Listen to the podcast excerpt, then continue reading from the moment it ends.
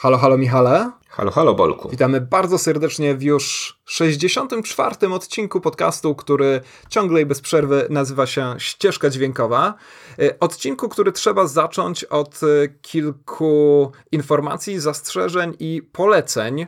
E, po pierwsze, pierwszy raz w historii ukaże się transkrypcja fragmentu tego podcastu, fragmentu poświęconego filmowi Lighthouse.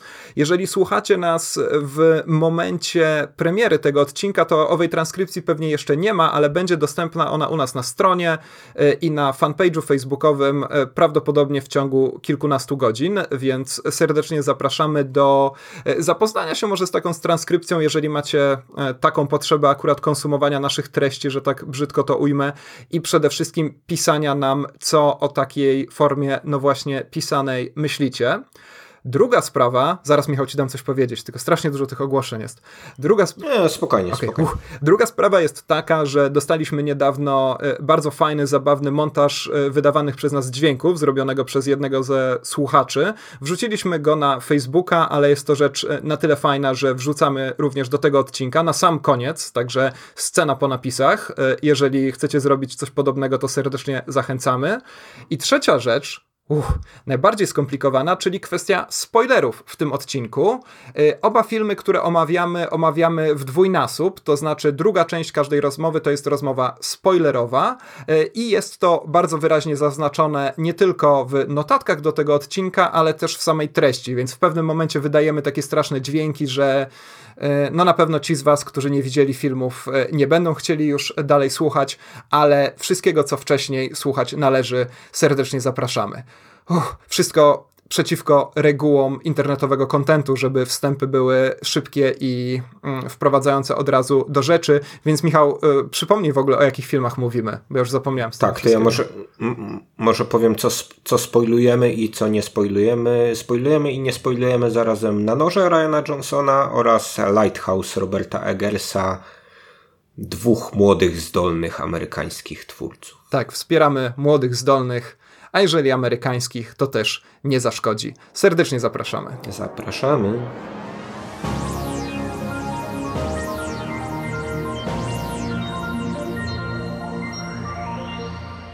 Rozpoczynamy ten podcast od filmu, który ma premierę już zaraz, już za moment, już za kilkanaście godzin, czyli filmu Na noże Ryana Johnsona filmu, który widzieliśmy obaj jeszcze na American Film Festival, ale ja w każdym razie głośno deklarowałem, że chcę go jeszcze zobaczyć minimum 73 razy.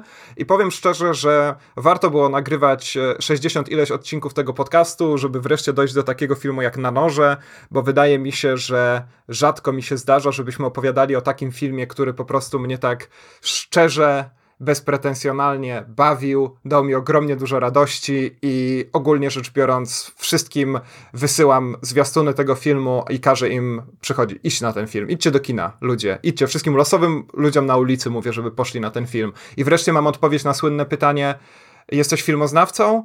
To na co iść do kina? To teraz mogę przez tydzień przynajmniej powiedzieć, idźcie do kina na noże. No okej, okay, i co? Kończymy, tak? Tym samym yy, Kończymy, tak, no bo to już, już wystarczy. No, bo, bo po co w takim razie, skoro wszystkich wysyłasz, wiesz, tutaj wchodzić w jakieś, w jakieś szczegóły. Ja chciałem tylko powiedzieć, że to jest straszne, ile filmów jest w kinach. Teraz. Znaczy ja byłem wyłączony przez tydzień schodzenia do kina i zacząłem nadrabianie i wczoraj obejrzałem dwa filmy i dzisiaj planuję obejrzeć dwa filmy, a jutro dla odmiany dwa filmy. I, I to wszystko w kinie? No i yy, tak, tak, to w kinie rzecz jasna. No, nie, no, jest to, jest to straszna praca i y, dopraszam się o symetrię w układaniu repertuaru na cały rok przez dystrybutorów, bo czasami są jednak jakieś takie miesiące suche, a teraz mamy e, no tak, mamy mokry miesiąc. Mamy mokry miesiąc y, i, i, rzeczywiście y, wyciekają z niego różne rzeczy. Wydaje mi się, że Solid Gold doczekał się wreszcie premiery kinowej, prawda? Mm -hmm. O mhm. ile dobrze Tak, to, to też, za, też za chwilkę, no jeszcze mi się dołoży do y, ten film do tych rzeczy do obejrzenia. No bo to oczywiście też nie jest tak, że na wszystkie filmy napalam się jakoś niesamowicie, natomiast no staram się być na bieżąco z kinem polskim, a ty tak chwaliłeś po Gdyni, a mnie w Gdyni nie było, więc, więc tak, Solid Gold też na pewno nadrobię. Żelazny Most, Supernowa, czyli Proceder, te wszystkie gdyńskie filmy, także do obejrzenia jeszcze, jeszcze w kinach, no ale my o amerykańskich filmach tak. dzisiaj, tak, więc, więc... Tak, tak, tak, dwóch amerykańskich filmach, acz, e, e, obu co prawda bardzo mocno w angielskiej tradycji e, osadzonych. To jeszcze tylko powiem a propos tego polskiego kina, że z tych tytułów, które wy, e, wymieniłeś, to ja jako jedyny szczerze polecam e, Supernowę, która jest bardzo interesującym filmem. Solid Gold w tej wersji, którą ja widziałem, to jest oczywiście koszmar, którego nie należy nazywać filmem, a procederu nie miałem okazji oglądać, a to dlatego, że wszyscy mi mówili w Gdyni, żebym na to po prostu nie szedł, bo ponieważ film trwa grubo ponad dwie godziny, to nawet nie nadaje się do tego, żeby oglądać go dla beki, no więc e, zrezygnowałem z procederu, może kiedyś e, to zobaczę. No to ciekawe, ciekawe, że słuchasz ludzi, którzy mówią ci, nie idź na film, on ma ponad dwie godziny. E, tak, słucham ludzi, którzy mówią mi, że film jest tak okropny, że e, w połączeniu z tym, że trwa ponad dwie godziny, to jest rzeczywiście nieoglądalny, nieważne jaki tryb odbioru sobie wybierzemy. E, wracając do Na Noże, to bardzo fajnie zgrywa się Na Noże z wypowiedzią mm, osoby, która no, musi się pojawiać chyba w wielu naszych podcastach, czyli oczywiście Kathleen Kennedy, aktualnej szefowej Lucasfilm, która niedawno w jakiejś rozmowie skarżyła się, że niezwykle trudno jest tworzyć tę nowe, nową trylogię Gwiezdnych Wojen, ponieważ no niestety nie jest to oparte na żadnej książce, na żadnym komiksie, na żadnym gotowym tekście kultury, e, więc słuchajcie, bardzo trudno jest wymyślić taką historię, e, co mnie niezwykle rozbawiło bo to jest e, dla mnie niezwykle symboliczne dla, dla, dla, dla, dla sytuacji współczesnego kina, że jak trzeba już wymyślić jakąś historię, to jest to wielki problem. No na całe szczęście Ryan Johnson, mimo że bardzo dużo w, na noże wziął elementów e, z wielu innych historii, to e, udało mu się stworzyć scenariusz bezpośrednio na niczym nie oparty, aczkolwiek być może jest to początek jakiego, jakiejś serii filmów, bo już Ryan Johnson się odgrażał, że kolejne filmy z tej serii, czyli z serii z detektywem gentlemanem Benoit Blanciem faktycznie powstaną. Znaczy ciekawe, że poszedłeś w taką stronę, dlatego że okej, okay, rzeczywiście żyjemy w takich czasach y, postępującej sequelozy, gdzie w no, topie, zwłaszcza box żadnych oryginalnych historyjek praktycznie nie uświadczymy, no chyba, że Pixar coś wymyśli, y, to na nich można jakoś liczyć pod względem jeszcze zaprzęgnięcia wyobraźni do tego pługa. Natomiast y, oczywiście tak, no cała reszta odcina kupony od no, tego, co już było ale wydaje mi się, że film na noże no, jak najbardziej bazuje na, na czymś, co było i to... W... Tak, to też, to też o tym wspomniałem właśnie przed chwilą, że bierze bardzo dużo elementów, zaraz sobie może nawet powymieniamy kilka tytułów, tu od razu wspomnimy, No więc trudno noże... go też yy, traktować jako jakąś taką oryginalną zupełnie propozycję, no bo to jest, to, to, jest znowu kwestia bazowania, tylko że no, jakiegoś bazowania z, z finezją na czymś, co co, czego doświadczyliśmy, bądź też choć, choćby o tym słyszeliśmy, bo to czasami będą takie rzeczy, których nie oglądaliśmy albo nie czytaliśmy, ale wiemy jak są zbudowane. E, tak, słowo finezja pewnie w ogóle będzie słowem kluczem tutaj e, w tym nagraniu. E, Ryan Johnson to oczywiście reżyser doświadczony, to jest który jego film? Piąty? E, tak. Prawda mówiąc, nie, nie, liczyłem. Piąty, to łatwo doliczyć do pięciu, więc, więc rzeczywiście jest to piąty. E, przypomnijmy, że Ryan Johnson, znowu nawiązując do Gwiezdnych Wojen, jest autorem Ostatniego Jedi, filmu, który ja szczerze uwielbiam. Uważam go za najwybitniejsze dzieło XXI wieku. Już rozmawialiśmy sobie o tym. No w, tak, tak bardzo odcinku. przeciętny film, wszyscy wiedzą poza tobą, ale nie będziemy tu kruszyć kopii. Wrócimy do tematu, gdy Gwiezdne Wojny wyjdą, tak, za miesiąc. Nie, wygrany kolejne, przez, le, wygrany kolejne przeze mnie pojedynek już, e, już został mm. tutaj, został już zarejestrowany zarejestrowany kiedyś. Ty jesteś, jesteś fanem twórczości Ryana Johnsona, takiej jednak dość, dość charakterystycznej, jeżeli chodzi o tą jego twórczość, e, za przeproszeniem, niefranczyzową, czyli taki film jak Brick, Niesamowici Bracia Bloom oraz Looper. E, ja nie widziałem niesamowitych braci Bloom. E, film Looper, podobnie jak Ostatni Jedi, uważam za no, nie, nieudanego pasożyta nad czymś, co wcześniej powstało. Looper to po, o podróżach w czasie traktuje. E, taki, taki, taki film może wam przemknął jakoś gdzieś tam przez, przez, przez głowy albo przez wasze telewizory, e, którym miał swoich fanów, znowu, co mnie bardzo dziwiło, a był dla mnie jakąś taką wtórną opowieścią. E, po Terminatorze i po kilku e, no, większych od niego dziełach z, o, traktujących no właśnie o tym, o, o tym temacie, no Luper mnie nie kupił y, absolutnie przez, przez y, Och, nie mogę sobie nie pozwolić na tego suchara przez te wszystkie lupy, które tam właśnie występują w tym filmie. Natomiast. Lupy, lup... czyli szkła powiększające? lupy przez, przez dwa O, tak, tak przez, przez, te, przez te dziury, pętle, tak, które tam no mają zbyt, zbyt szerokie oka, tak się mówi, tak? W, pętlach mam, mogą być oka, mogą oka być. w rosole, tak, jak się nauczyliśmy z cyklu o Mikołajku, tak. Dobrze. Y, kończąc, kończąc ten niesamowicie zakręcony wątek Lupera, jak przystało na tytuł tego filmu, tego filmu nie lubię, natomiast lubię film, który ku mojemu zdziwieniu na IMDb przynajmniej nosi e, polski tytuł Kto ją zabił? Tak, tak, tak. Nie cegła wbrew pozorom. Tak, ten film w oryginale nazywa się Brick i to jest y, film, który jest y, no, w jakiś sposób y, podobny do filmu na noże, przez to, że jest pastiszem. Z tym, że o ile mm, Brick jest pastiszem a, takich detektywistycznych opowieści no, sięgających kina czarnego lat 40., tak, bo tam mamy, e, mamy tego typu rzeczy e, pod, poddane jakiemuś przetworzeniu na takiemu trochę prześmiewczemu, e, no to, to na noże sięga do e, kryminałów Agaty Christie, więc można powiedzieć, że gdzieś tam do korzeni, tak, w tym filmem na noże mm, wraca Ryan Johnson i no i znowu, znowu z udanym skutkiem. Może to jest jakieś takie jego kino. Tak, no ja też nie jestem wielkim fanem e, ani Lupera, niesamowicie bracia Bloom są nieźli, Brick rzeczywiście lubię, aczkolwiek jest to film, który widziałem bardzo dawno temu, e, dlatego pamiętam, że kiedy ogłoszono, że Ryan Johnson zrobi Ostatniego Jedi, to ni mnie to ziębiło, ni grzało, ponieważ jak dla mnie był po prostu autorem e, serii takich porządnych, kompetentnie nakręconych, ale jednak przeciętnych tytułów. To, co pewnie u niego bardzo wraca w absolutnie każdym filmie, a co może być bardzo męczące, to jest taka e, wręcz nachalna autorefleksyjność, to znaczy on niemal w każdym swoim filmie lubi jakoś skomentować sam ten film e, w Luperze chociażby i to jest jedna z wad Lupera, akurat e, jest ten słynna wypowiedź bodajże Bruce'a Willisa, który stwierdza, że nie będzie nikomu tłumaczył jak działają podróże w czasie, ponieważ e, spędziliby cały dzień rozmawiając o podróżach w czasie.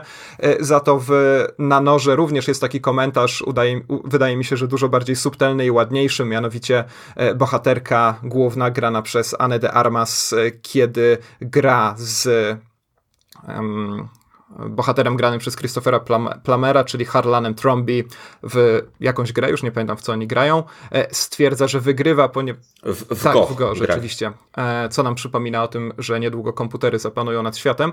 E, kiedy wygrywa z nim raz za razem, tłumaczy mu, że wygrywa dlatego, że najważniejsze jest nie zwycięstwo, a stworzenie pięknego wzoru. I wydaje mi się, że to bardzo ładnie oddaje też ideę, która stoi za, na noże. Na noże filmem, który nie zawsze być może trzyma się całkowicie całkowicie kupy i ma kilka takich rozwiązań, które rzeczywiście mogą nawet oburzać, ale jednak jest e, na tyle pociągający, ekscytujący i fascynujący, że no rzeczywiście jest to, jest to piękny wzór. Mm, Wspo Dobrze, minęło 11 minut tego nagrania, więc może czas powiedzieć o czym to. No to zapraszam. Po, pokrótce. E, otóż e, niespodzianka. Mamy morderstwo, jako że to jest pastisz no, nawiązujący do książek Agaty Christie. E, morderstwo w zamkniętej e, społeczności. No, można powiedzieć, e, spadkobierców, tak, potencjalnych seniora rodu w tej właśnie wielkiej, wielkiej posiadłości. Ostatnio jakoś się namnożyło trochę takich opowieści o, o strasznych bogaczach i strasznych seniorach rodów, to, ale to głównie jeśli chodzi o, o seriale. Chociaż, no dobra, były wszystkie pieniądze świata, też potem w wersji serialowej jako Trust. Mamy Sukcesję teraz, też bardzo fajny serial. E, no ale tutaj, e, tutaj raczej chodzi o to, żeby odpowiednio porozstawiać pionki po tej haciendzie, e, żeby te wszystkie postacie występujące w tej wielkiej posiadłości no trochę odznaczały się jakimiś tam konkretnymi stereotypami, trochę były taką grubszą kreską, kreską namalowane, trochę żeby były jakoś wyraziste, no ale przede wszystkim żeby miały motyw do tego, że że, e, żeby zabić. E, no i mamy oczywiście detektywa, tak jak w przypadku znowu tych opowieści Agaty Christie, znowu takiego trochę ekscentrycznego, chociaż no nie wyglądającego jak Herkules Poirot dlatego że noszącego rysy Daniela Krega, prawda? Więc e, nie wiem, czy Daniela Krega by się dało przerobić na takiego łysiejącego belgijskiego, jowialnego, korpulentnego gentlemana jak Herkules Poirot. Dajmy mu jeszcze 40 lat, to może zacznie przypominać Herkulesa Poirot. Tak? No tak, no, na, na, na razie jest, jest ironicznym gentlemanem, który stara się to śledztwo e, w jakiś sposób e, rozwiązać, no a towarzyszą mu e, policjanci, którzy, no jak to policjanci dziwią się światu i temu, jak genialnym jest ten detektyw czasami przynajmniej. No i to tyle no to znaczy jeden z nich rzeczywiście się dziwi, drugi wydaje mi się pozostaje sceptyczny. Y, tutaj y, powołałeś się na Agatę Christie, która jest oczywiście taką autorką, y, która najczęściej pewnie powraca w przeróżnych opowieściach o tym filmie. Warto jeszcze wspomnieć dla tych z was, którzy lubią rzeczywiście takie kryminały skromne, dziejące się gdzieś tam w jakichś zamkniętych pomieszczeniach. Johna Dixona Cara, do którego ten film też wydaje mi się bardzo mocno nawiązuje. Ta jego najsłynniejsza książka Hollow Man chyba nigdy nie niestety po polsku nie wyszła, niemniej na pewno warto do niej sięgnąć w oryginale. A jeżeli chodzi o Agatę Christie, to pewnie naj, takie najmocniejsze nawiązanie tutaj jest do Domu Zbrodni. E, wręcz kilka takich nawiązań jest e, niemal bezpośrednich. No i film bardzo wyraźnie oczywiście osadza się w tej e, tradycji kryminałów. Swoją drogą matka głównej bohaterki ogląda ten serial brytyjski napisała morderstwo, tylko ogląda go z hiszpańskim dubbingiem, więc nie jest tak łatwo go rozpoznać, ale rzeczywiście e, te tropy tam w taki bardzo wyrazisty sposób cały czas powracają. No zresztą Benoit Blanc również w pewnym momencie stwierdza, mówi chyba do któregoś z tych towarzyszących mu policjantów, że Watsonie rozpoczynamy śledztwo. E, no i faktycznie tutaj zaczyna się szereg przeróżnych e, nawiązań do klasyków. E, zatrzymajmy się przy Blanku na chwilę, bo to jest dla mnie zupełnie fenomenalna postać i absolutna ozdoba tego filmu. Warto oczywiście wspomnieć o tym, że niedługo dwójkę głównych bohaterów zobaczymy w innym filmie, ponieważ Ana de Armas, która gra tutaj główną rolę, a zatem służącą, która pomaga Blankowi w śledztw, prowadzeniu śledztwa, no znana nam już jest z ekranów, ponieważ grała w ostatnim Blade Runnerze, grała Joy, czyli tego no chciałem powiedzieć tą wirtualną asystentkę, ale to chyba nie jest dokładne określenie jej roli. W każdym razie pojawiała się tam jako e, hologram e, w różnych funkcjach. No i przede wszystkim gra w Nowym Bondzie e, z Danielem Craigiem. Nie wiem do końca jaka jest jej rola, czy będzie to taka prawdziwa dziewczyna Bonda, czy któraś z tych dziewczyn, które pojawiają się tylko w pierwszych minutach filmu. Jak wiadomo, ten podział dla, dla Bonda jest niezwykle istotny, ale mam szczerą nadzieję, że i Anna de Armas i Daniel Craig mają w Nowym Bondzie scenę pościgu samochodowego, bo w Nanorze też mamy taką scenę i jest ona absolutnie znakomita. Chciałbym zobaczyć ją teraz w takim, w takim wydaniu bondowskim. Mm. No tak, na, na moment rzeczywiście e, tę posiadłość yy, opuszczamy. To znaczy na kilka momentów, no tak, bo tam kilka, kilka innych lokacji rzeczywiście wchodzi w grę. No i pokazuje to, że Ryan Johnson no, jest na tyle zgrabnym inscenizatorem, że właśnie radzi sobie i w takich, e, w takich sytuacjach jak zrobienie e, no, jednego z najgłupszych pościgów w historii kina na pewno. Tak, tak, tak. No przy tym jest to e, głupota zupełnie, zupełnie celowa. E, Blank jest określony w artykule New Yorkera, który pojawia się w ramach filmu, e, jako ostatni ostatni detektyw gentleman, bodajże, jakoś tak zostaje to określone. No i on faktycznie jest e, taką ba bardzo ciekawą grą z takim stereotypem właśnie detektywa, który owszem jest rzeczywiście gentlemanem, chodzi w takich e, no głównie chodzi w tweedzie, oczywiście, e, ponieważ mimo, że jest z południa Stanów Zjednoczonych, mówi z takim charakterystycznym akcentem trochę w stylu Franka Underwooda z mm, House of Cards, to oczywiście jest to ciągle Daniel Craig. I jednocześnie jest grą z takim e, Sherlocko-Holmesowym stereotypem, jak mi się zdaje, kiedy mamy detektywa, który no, jest ekscentryczny, dziwaczny, ale tak naprawdę jest genialny. To znaczy, ja odniosłem takie wrażenie, oglądając na noże, że co do geniuszu Blanka można mieć e, bardzo duże wątpliwości. Nie wiem, czy, czy, czy, czy, czy również tak miałeś, kiedy analizowałeś jego kolejne kroki.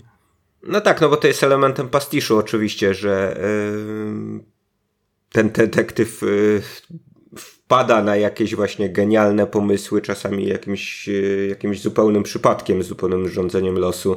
E, to też jest myślę, no, część składowa tych gorzej napisanych kryminałów i, no, i tutaj Ryan Johnson to w jakiś sposób obnaża, że mm, zawsze to jest balansowanie w tych takich opowieściach pod znakiem hudanyt, kto, kto zabił, kto to zrobił.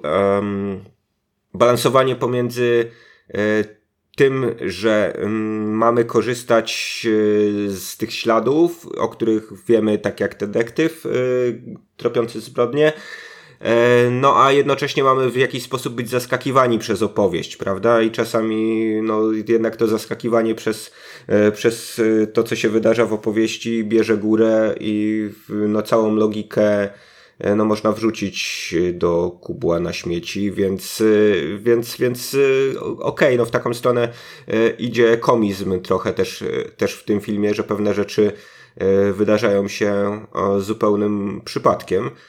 Mm, no ale część, część, część, część z nich jest, no wydaje mi się, jednak kwestią, kwestią pracy pana Blanka i jego zdolności do um, na przykład uderzania w klawisze w odpowiednich momentach. O tak, może, o, tak to znaczy ma wielkie wyczucie tego, jak zbudować jakiś dramatyczny moment. To, e, to rzeczywiście prawda. Mm, swoją drogą w tym artykule New Yorkera e, pada, o ile pamiętam, takie bardzo ciekawe słowo, nie wiem czy ciągle e, wykorzystywane w języku angielskim, ale słowo, i tutaj uwaga, sleuth, sleuth mhm. czyli detektyw. Był film pod właśnie. Tym. Tak, no i wydaje mi się, wiem, że film ten widziałeś, ponieważ e, kiedy spojrzałem na film webie, to zauważyłem, zauważyłem tam twoją ocenę e, i wydaje mi się, że jednym z takich filmów, do których e, Johnson bardzo otwarcie nawiązuje jest film, no właśnie, Detektyw, e, w oryginale Sleuth, e, Josepha Mankiewicza z 72 roku. Mm, to jest zresztą film, o którym Johnson wspomina w wielu wywiadach i ja mimo, że wiedziałem o istnieniu tego filmu, to nie miałem okazji go do tej pory obejrzeć i odświeżyłem go sobie właściwie przedwczoraj. Nie wiem, czy ty cokolwiek pamiętasz z tego filmu, bo zakładam, że widziałeś go już dość dawno temu. No on się opiera y, na takiej y, grze w zasadzie pomiędzy, pomiędzy dwoma, y, dwoma postaciami. A jedna, jedną z nich był, z tego co pamiętam, e, autor powieści kryminalnych, tak? Tak, e, to jest pierwszy trop. Laurence Olivier gra wziętego autora powieści kryminalnych o pewnym charakterystycznym detektywie z dziwnym nazwiskiem, którego nie pamiętam. Mhm. No i on wciąga, wciąga właśnie w taką swoją, swoją, swoją specyficzną e, grę drugą osobę, która, nie wiem, w jakiś sposób była z nim, powiedz, albo z jego żoną, tak? tak? Jest kochankiem tak, jego żony, to jest A, no, lokalny no, fryzjer, którego, którego gra Michael Caine. Tak, i o hmm. filmie im mniej powiemy, tym lepiej. Ja go szczerze polecam, choć niestety bardzo trudno znaleźć e, w legalnej dystrybucji jakieś znośne kopie tego filmu. Powstał co prawda remake i wyreżyserował go nie kto inny jak Kenneth Branagh, ale nie miałem jeszcze okazji go zobaczyć i nie wiem, czy się za to zabiorę. Znaczy, to jest o tyle ciekawa sprawa, że sorry, że ci mhm. przerwę, mhm. ale e, że Michael Caine e, tutaj gra tę drugą postać, to znaczy tak. tę, którą grał Laurence Olivier w pierwszym filmie, więc więc taki ciekawy przypadek remake'u właśnie, gdzie... Tak, tak, tak. Dobre e, wykorzystanie jedno... tego, jak aktor się starzeje po prostu. Hmm. E, I, i, I, wizja tego, że cały czas grasz właśnie e, w jednym filmie, tylko, tylko, tylko, tylko różne role. To by było, to by było znakomite. Może potrzebujemy takiej nowej wersji Boyhood, właśnie filmu, który jest kręcony na przykład przez 50 lat i wszystkie role gra jeden aktor, tylko powoli, powoli się starzejąc. E, nie, no panie, to Deniro ci wszystko zagra, Teraz tak. niekoniecznie tak. się starzejąc. To... Po co? Po co? No takie piękne cyfrowe make-upy mamy. Tak, rzeczywiście w obliczu potęgi technologii może e, zapomnimy po prostu o czymś takim jak upływ czasu. E, no i w każdym razie e, Ryan Johnson wziął z tego oryginalnego filmu i to, że, znaczy oryginalnego filmu. Film swoją drogą nie jest oryginalny, ponieważ jest adaptacją sztuki, ale oryginalnego na pewno, jeżeli chodzi o kilka fantastycznych pomysłów, jeżeli chodzi o bardzo zaskakujące zwroty fabularne. No i tam rzeczywiście mamy bohatera, który jest wziętym autorem wziętych powieści kryminalnych. Wszystko dzieje się w takiej bardzo efektownej posiadłości, która jest e, pełna przeróżnych, bardzo dziwacznych rekwizytów. W, na noże mm, też oglądamy, no i tytułowe noże w takim bardzo efektownym e, u, ułożeniu, rodem z gry o Tron i szereg tak, innych rekwizytów. Bardzo, bardzo zabawne. Tak, no i mm, jest jeszcze jedna kwestia, która wydaje mi się łączy te dwa filmy, to znaczy zarówno w Detektywie, jak i w Nanorze jest próba pewnego komentarza politycznego. Nie wiem, czy według ciebie ten komentarz polityczny w Nanorze w jakiś taki sympatyczny w miarę sposób wybrzmiewa, czy nie. Znaczy sympatyczny na pewno nie, bo ten komentarz zawsze będzie gorzki, ale czy, czy przekonuje cię taki element tego filmu, czy raczej stwierdzasz, że kurczę, powiedzcie mi po prostu, kto zabił i dajcie mi spokój z polityką? E, chodzi ci o ten specyficzny klasizm, yy, znaczy podszyty rasizmem tak naprawdę, tak? Który reprezentują yy, mieszkańcy tej posiadłości w stosunku do, yy, do zatrudnionej tak, tak, tak. Pokojówki, to, tak. Powiedzmy od razu, że to jest jedna z podstawowych różnic między tym filmem a klasykami Agaty Christie, to znaczy u Agaty Christie zwykle te postacie były, przynajmniej część z nich w miarę sympatyczna, a tutaj raczej wszyscy są odpychający. E, I tak, mhm. i charakteryzuje się to między innymi tym, że są takimi rasowymi rasistami z bardzo wyraźnymi poglądami na różne tematy. Tak, co, co, co mamy w wielokrotnie powtarzanym dowcipie yy opartym na niezauważaniu skąd tak naprawdę, z jakiego kraju przybyła ta, e, ta postać do, e, do Stanów Zjednoczonych e, i tam mamy wszystkie kraje południowej Ameryki po drodze, po drodze wymieniane. Na, oczywiście, oczy, oczywiście każdy z taką troską udawaną w głosie wymienia jeden, jeden z tych krajów, a no, kiedy przybyłaś do nas z Brazylii, slash Wenezueli, slash Ekwadoru i tak dalej, no to, to, to co, co, coś tam, coś tam tak naprawdę no, następuje jakaś taka orientalizacja zupełna.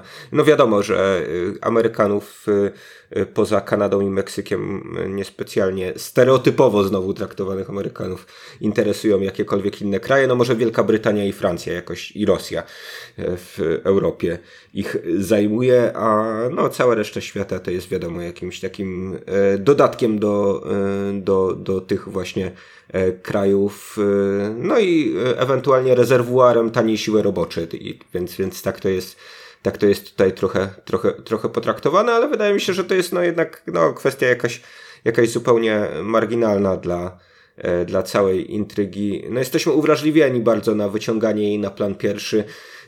Jeżeli chodzi o wyciąganie takich rzeczy na plan pierwszy i w sposób no właśnie tak ostentacyjny, że y, bolący oczy i inne organy ciała, to y, polecam w cudzysłowie rzecz jasna nowego Terminatora, w którym y, który wygląda jak napisany na zamówienie mm, scenariusz, który przemyca wszystkie społeczne, ważne wątki dla dzisiejszego świata, bo mamy tam i e, właśnie taki girl power e, zwielokrotniony i kwestie imigranckie, mur na granicy amerykańsko-meksykańskiej. Ja, nie mówię, że te wątki nie są ważne, natomiast e, gdy ogląda się Terminatora widać jak jak po prostu z, znowu z taką udawaną troską, tak jak mieszkańcy tej po, posiadłości w filmie na noże, nasz ulubiony scenarzysta David Goyer i jego pomagierzy właśnie nad to tymi Goyer kwestiami się,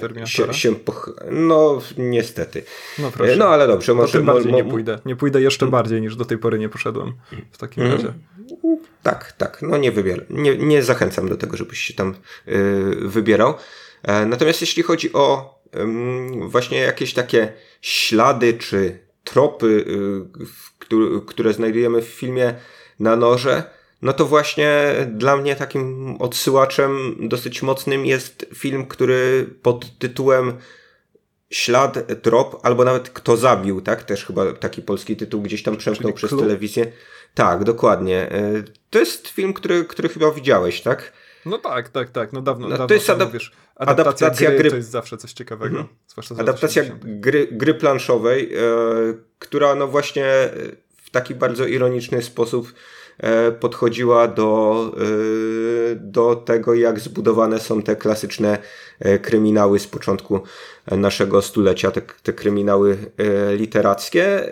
No i właśnie bawiła się tymi wszystkimi motywami odkrycia zagadki zbrodni w jednym, w jednym domostwie dość rozbudowanym. Więc, więc wydaje mi się, że no pod tym względem no też no jakby Ryan Johnson nie odkrywa jakiejś Ameryki specjalnej, to jest bardziej kwestia tego jak on to robi niż, niż co, co tam nowego proponuje na zasadzie konstrukcji całej opowieści. No, wydaje mi się, że tam jest kilka takich e, zmian, które rzeczywiście być może nie są jego pomysłami, ale one no, radykalnie jakby przekreślają te idee, które e, towarzyszyły e, kryminałom, czy, czy, czy, czy Don, Johna Dixona Cara, czy Agaty Christie. Więc e, za moment sobie do tego przejdziemy, bo tutaj rzeczywiście chcielibyśmy już troszkę pospoilować.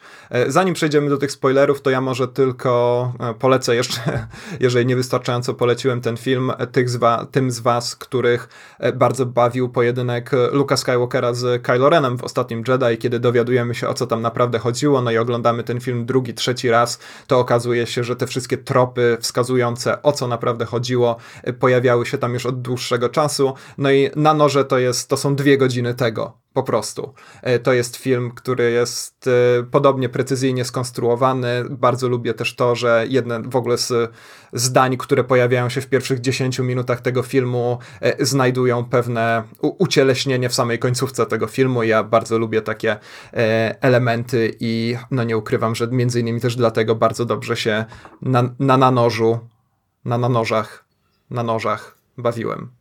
No tak, warto zaznaczyć tutaj, że to nie jest y, film, który jest jakąś czystą parodią, prawda? To znaczy, nie jest to, y, nie, nie jest to film, który sobie lekceważy tę kryminalną intrygę i tylko y, no, dla beki prezentuje pewne, pewien rozkład tego, jak w strukturze narracyjnej takiego klasycznego kryminału to wszystko wygląda. Ale te twisty w tej opowieści naprawdę działają i jakieś takie właśnie zmiany punktów widzenia działają. On jest oczywiście przerysowany. Mm, natomiast, y, natomiast to jest też bardzo fajne w tym filmie, że podobnie jak y, w filmie Brick kiedyś, no Ryan Johnson biorąc w, w, jakiś taki bardzo szeroki nawias umowność tego, tego świata przedstawionego, e, no nie puszcza hamulców przynajmniej na tyle długo, żeby, żebyśmy no machnęli ręką nad, nad, tym, nad tą intrygą, która jest tam, jest tam rozegrana, więc oprócz, oprócz tego, że jest to film zabawny, no to te, te takie efekty zaskoczenia mogą jak najbardziej działać dla miłośników klasycznych kryminałów, którzy niekoniecznie takim ironicznym podejściem są w pierwszym rzędzie zainteresowani. Tak, to może przejdźmy do takiego elementu, który wydaje mi się absolutnie fundamentalny dla struktury na noże y, i który, no w gruncie rzeczy, to jest zawsze pytanie, czy traktować to jako spoiler, bo myślę, że gdybyśmy mieli bardziej swobodnych ludzi od marketingu, to umieściliby to nawet w zwiastunie tego filmu. To jest rzecz, która wydarza się około 50 minuty i tu już, Michał, zrób nasz jingle spoilerowy. Spoiler alert. Chodzi mianowicie o to, że e, bardzo szybko dowiadujemy się, kto zabił tak naprawdę, albo przepraszam, nie kto zabił, co, e, co poznajemy właściwie taką E, no, niemal już ostateczną wersję tej historii. I później ciężar tego filmu przełożony jest na coś e, zupełnie innego. I tutaj przypomina się takie słynne powiedzenie Hitchcocka, no może nie powiedzenie, bo raczej dłuższa wypowiedź, e, kiedy Hitchcock opowiadał, że on bardzo nie lubi takich kryminałów, które właśnie zwykło się nazywać określeniem whodunit, takich kryminałów w stylu Agaty Christie, ponieważ sprowadza się to do tego, że pod koniec opowieści wszyscy zbierają się w pokoju, a detektyw, czy to Herkules Poirot, czy ktoś inny, po prostu mówi, kto zabił e, i tyle. Mamy moment niespodzianki, ale tak naprawdę sam widz no, albo to przyjmuje, albo nie, wzrusza ramionami i o tym zapomina. Tymczasem, jak wiemy doskonale z filmów Hitchcocka, z konstrukcji jego suspensu chociażby, dużo ciekawiej będzie dla widza, kiedy on ma już na tyle dużo informacji, żeby po prostu bardziej zainteresować się tym, czy pewnym postaciom się uda, czy nie, żeby oprócz takiej fascynacji intelektualnej weszło w to jeszcze takie zaangażowanie czysto emocjonalne. No i rzeczywiście tak. Ryan Johnson to robi. Mhm. Mm, no, no. Dopowiadając tylko tę, tę, tę kwestię, rzeczywiście, to znaczy Hitchcockowi też chodziło o to, żeby... Mm, żeby w, konk w, konkretnych scenach trzymać to napięcie, żeby y, widz nie odpływał y, też y, w śledzeniu e, całego filmu w stronę zastanawiania się, kto zabił, e, dlatego że jeżeli damy mu tę zagadkę na samym początku, to Hitchcock uważał, że no, widzowie będą być może skłonni właśnie ją rozpracowywać na tyle intensywnie, że y, no, ich zaangażowanie intelektualne właśnie popłynie w tę stronę rozwiązania całej zagadki zbrodni, a przestaną skupiać się na konkretnych perypetiach, w konkretnych scenach i konkretnych sekwencjach, a o to właśnie Hitchcockowi chodziło, żeby w tych, tymi konkretnymi scenami, tymi konkretnymi sekwencjami przykuć, y, przykuć jego uwagę. I on rzeczywiście w związku z tym y, zrobił jeden z tego, co pamiętam film, tylko w którym, w którym ta konstrukcja hudanyt no, istnieje, a w pozostałych, w pozostałych no jakby od początku e, albo od początku wiedzieliśmy co się konkretnie stało, albo, albo, albo to było takie balansowanie pomiędzy prawdziwością bądź nieprawdziwością tego, co zobaczyliśmy, no, tak jak w przypadku okna na podwórze chociażby, prawda? Tak, czy tremy. E, I tutaj rzeczywiście to fantastycznie działa, to znaczy szybko okazuje się, że e, bardziej od tego, kto zabił, interesuje nas, czy postać grana przez Anne de Armas która swoją drogą jest Kubanką. Nie wiem, e, nie, chyba nie dowiadujemy się skąd w rezultacie pochodzi grana przez nią służąca, ale sama Anna de Armas jest Kubanką. E, bardziej interesuje nas to, czy jej się uda po prostu, bo wydaje mi się, że no, kibicujemy jej szczerze. To jest też bardzo taki ciekawy zabieg, to znaczy ta dziewczyna jest po prostu no, esencją dobra i tyle. E, to jest też taki wręcz bezczelny zabieg i myślę, że w rękach e, chociażby odrobinę gorszego reżysera to by się nie udało, ale tutaj mamy rzeczywiście bandę odpychających postaci i tą jedną dziewczynę, która, której nie możemy niemal nic zarzucić i rzeczywiście wręcz trzeba jej e, kibicować, zwłaszcza, że stawka, o którą ona walczy też jest bardzo duża. Zastanawia mnie, jak ci się podoba to, że w całym tym konstruowaniu tego skomplikowanego równania matematycznego, jakim jest na noże, Ryan Johnson Johnson zdecydował się umieścić, nie wiem jak to się profesjonalnie nazywa, jedną wiadomą. To znaczy mamy tutaj mm, jedno rozwiązanie fabularne, które każe nam y, wierzyć, że to, co mówi Anna de Armas, y, zawsze i bez wątpienia jest prawdą. Mianowicie dziewczyna wymiotuje po prostu w obliczu kłamstwa. Mm. I zastanawiam się, na ile taki bezczelny, bezczelny zabieg ci się podobał. Ja nie ukrywam, że na początku patrzyłem na to z pewnym e, skrzywieniem, ale później przywiązałem się do tego zdania, które też otwierało naszą rozmowę o pięknym wzorze, choć wymioty i piękny wzór to może dość dziwnie się zgrywa, ale w każdym razie zaczęło mi się to rozwiązanie podobać. A jak u ciebie? Nie ktoś, jest to zbyt bezczelne? Na, ktoś na grupie Nowe Horyzonty po godzinach zauważył, że American Film Festival stał pod znakiem wymiotujących osób w różnych filmach i naliczył y, y, kilkanaście chyba takich tytułów. Y, więc może no, ale to może taki trend współczesny, tak, że trzeba teraz wymiotującą osobę e, wstawić, e, wstawić do filmu. Na poważnie, no to jest e, fajny sposób, żeby zagrać tym właśnie motywem takiego właśnie żywego wykrywacza kłamstw, który, który tutaj prezentuje podczas swoich przesłuchań detektyw Blank, no bo no bo teoretycznie mamy wszystko, wszystko na tacy, no jedną postać, e, która no nie potrafi kłamać i jest, e, jest czysta, niewinna i tak dalej, kontra właśnie ci zepsuci bogacze. No można się, można się domyślić, że z jakimś, z jakimś tutaj twistem będziemy mieli do czynienia. No okazuje się, że więcej niż z jednym swoją drogą. Więc, więc kompletnie mnie to nie, nie, nie raziło, to znaczy okej, okay, no pastisz jakby y, uprawomacnia pewne, pewne mocniejsze zabiegi, albo, albo takie nawet, które, które no jakoś tam, wiesz, trochę kłócą się z e, logiką naszego rzeczywistego świata.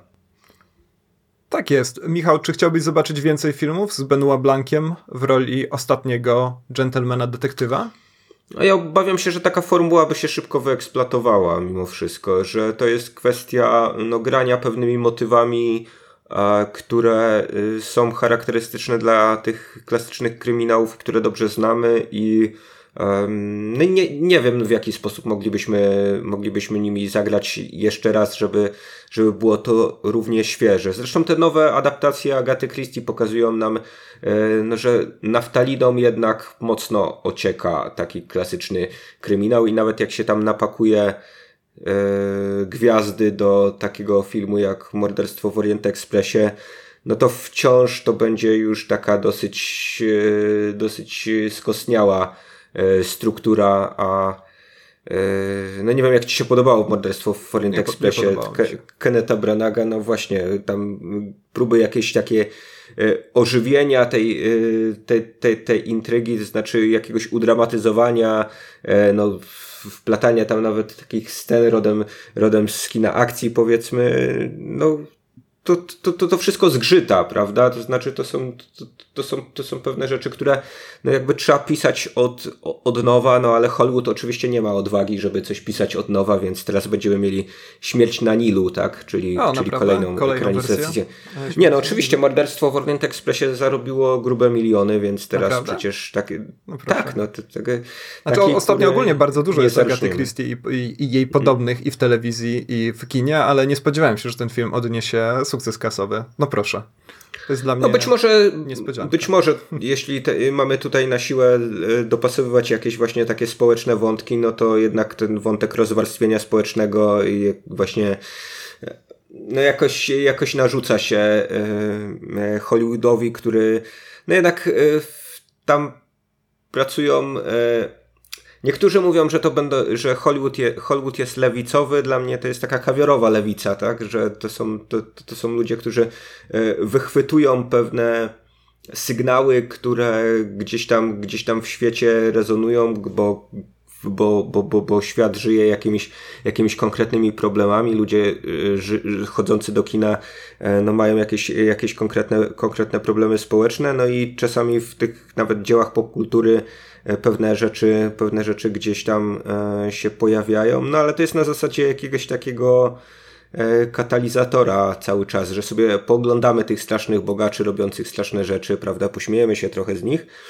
no oni będą coraz bogatsi i tak więc... Tak, no ostatnie raporty pokazują, że bogatsi są tylko i wyłącznie bogatsi, więc e, rzeczywiście, no dobrze, że przynajmniej takie, może, może, możemy gdzieś tam pośmiać się z rozrzewnieniem i może marzeniem, które nigdzie nie zostanie spełnione, chociażby w e, ostatnim ujęciu e, filmu Na Noże, który jest żartem już bardzo bezczelnym, zresztą charakterystycznym dość dla Ryana Johnsona, jak sobie przypominacie jego chyba nie zawsze udany humor w ostatnim Jedi, ale jednak w tym przypadku działa, głównie dlatego, że mm, dziewczyna dziewczyna grana przez Anę de Armas jest rzeczywiście no, esencją dobra, kibicujemy no, jej i kończy Tak, ale, to, ale to, to, to, to, wymieniliśmy te dwa nazwiska, ale to jest naprawdę ensemble aktorski. Tutaj należałoby. To czekaj, to musimy zrobić, po... E, musisz zrobić jingle końca spoilerów jeżeli już przechodzimy do czegoś takiego.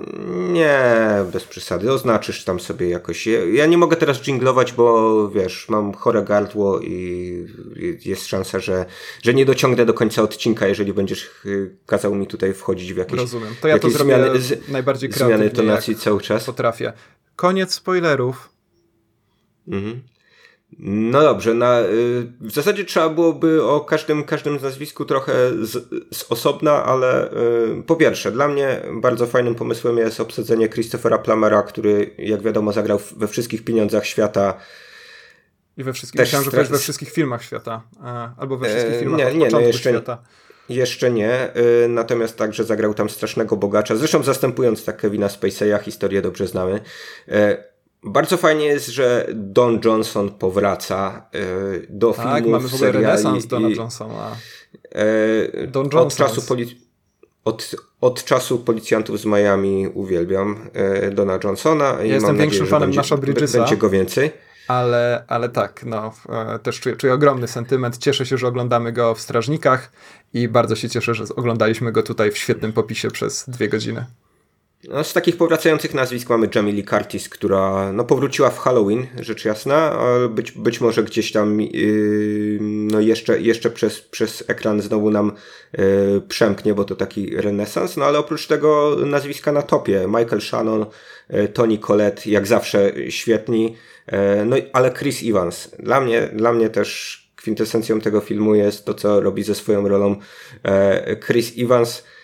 Trochę się nawet bawiąc swoją najsłynniejszą rolą e, e, kapitana Ameryki, w zasadzie no, jakoś obracając ją o 180 stopni, e, a czasami, a czasami pogrywając kwestią no, opowieści o postaci, która, która wie, wie wszystko lepiej, a, albo wszystko, wszystko ma gdzieś i no, będzie robiła tak jak, tak jak jej się podoba, tak? To znaczy tak jak, tak jak jej dyktuje sumienie, ale w tym przypadku brak sumienia raczej.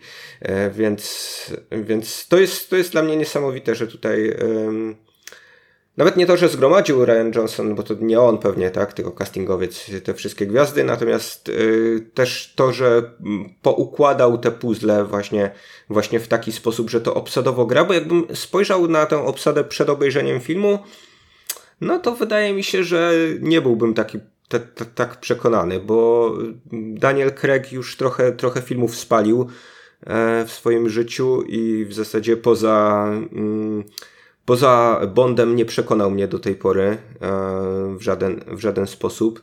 E, słabo znałem właśnie filmografię Chrisa Evansa. On podobno sobie całkiem nieźle radzi w tych filmach nie z Marvel Cinematic Universe. Ja nie wiem, na ile ty śledzisz jego karierę aktorską i jesteś w stanie coś dobrego powiedzieć o umiejętnościach aktorskich tego aktora.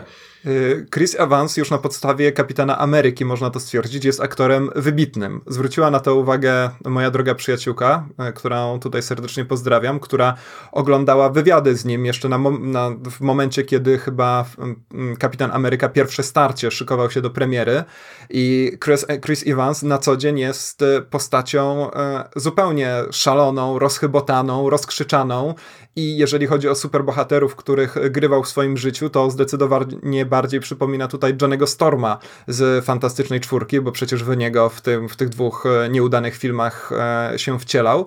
E, I sam fakt, że on jest w stanie z taką osobowością rozbuchaną, głośną, rozkrzyczaną grać takiego spokojnego człowieka, którego głównym zadaniem jest bycie kompasem moralnym, jak Kapitan Ameryka, to już musi świadczyć o ogromnych umiejętnościach aktorskich. No i cieszę się, że w takich filmach jak na noże pokazuje nam jakąś tam kolejną warstwę swojego talentu.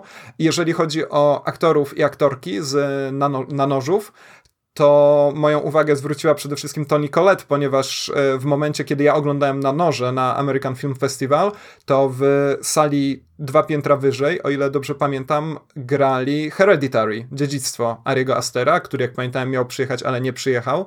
No i tam oglądaliśmy Toni Collette w radykalnie odmiennej roli, więc gdyby ktoś mógł się rozdwoić i być jednocześnie na tych dwóch seansach, to myślę, że mm, no rzeczywiście byłby pod, no byłby pewnie pod ogromnym wrażeniem, że jest jednocześnie na dwóch różnych filmach przede wszystkim i powinien iść do lekarza, ale też jednocześnie pod ogromnym wrażeniem talentu aktorskiego Toni Collette, która jest wspaniała. No tutaj gra taką Gwyneth Paltrow trochę, mam wrażenie, to chyba Gwyneth Paltrow jest teraz e, twarzą takiego bardzo podejrzanego lifestyle'owo-kosmetycznego przedsięwzięcia.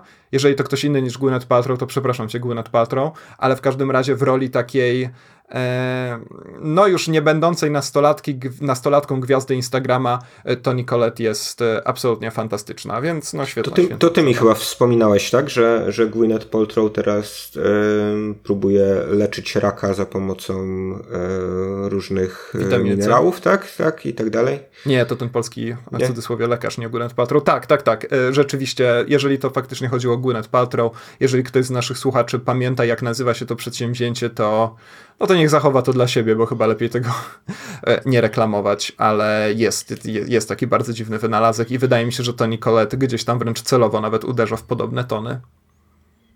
No dobrze, no to y, myślę, że możemy zamknąć tę apologię y, filmu Ryana Johnsona. E, czekamy na więcej, y, niech on się nie łapie za Gwiezdne Wojny, no prawda? właśnie nie wiadomo Tylko... teraz, co się, co się wydarzy. E, nikt jeszcze oficjalnie no, nie powiedział, że jego trylogia się nie wydarza, ale sam Ryan Johnson w licznych wywiadach stwierdza, że dopóki nie pojawi się to na stronie StarWars.com, to nie należy e, wierzyć w informacje, że takie filmy będą. I tu swoją drogą Ryan Johnson troszkę chyba jakby nie docenia piekielnych zamysłów Disneya, ponieważ wiele informacji ze strony StarWars.com zostało post factum usuniętych kiedy wyrzucali kolejnych reżyserów, no więc, no więc nie wiadomo, co się teraz będzie z tym dziać, ale ja również, mimo że kocham ostatniego Jedi nad życiem, raczej życzę mu więcej tego typu projek projektów niż powrotu do odległej galaktyki. No dobrze, to życzymy panu Johnsonowi jak najlepiej, drugiemu panu Johnsonowi Donowi też jak najlepiej. Znaczy generalnie wszystkim życzymy. Wszystkim życzymy dobrze, jak najlepiej. To jest najważniejsze przesłanie tego podcastu i wy też wszystkim życzcie jak najlepiej. E, kochać wszystkich, nikogo nie oszczędzać, jak to mawiał klasyk. Dobra, to co, przechodzimy do e, filmu pod zaskakującym tytułem Lighthouse? Wspominaliśmy już w naszym poprzednim nagraniu, że odwiedziliśmy latarnię i dwóch latarników tam mieszkających. E, ja obiecywałem wtedy, że obejrzę ten film raz jeszcze, ale niestety jeszcze się nie udało, bo w momencie, gdy nagrywamy ten odcinek, e, nie było jeszcze premiery Lighthouse. E, więc no będę opierał się na swoich wrażeniach z American Film Festival, które to są takimi wrażeniami mieszanymi. Odbieram ten film pozytywnie, ale mam do niego pewne zastrzeżenia i ty chyba masz podobnie, prawda? Nie wiem, czy podobne zastrzeżenia, ale no również e, nie wystawię tego, temu filmowi ósemki, dziewiątki czy dziesiątki bez e, żadnych zastrzeżeń. Myślę, że dziewiątki i dziesiątki nawet zastrzeżeniami nie, bo wtedy miałoby się to z celem.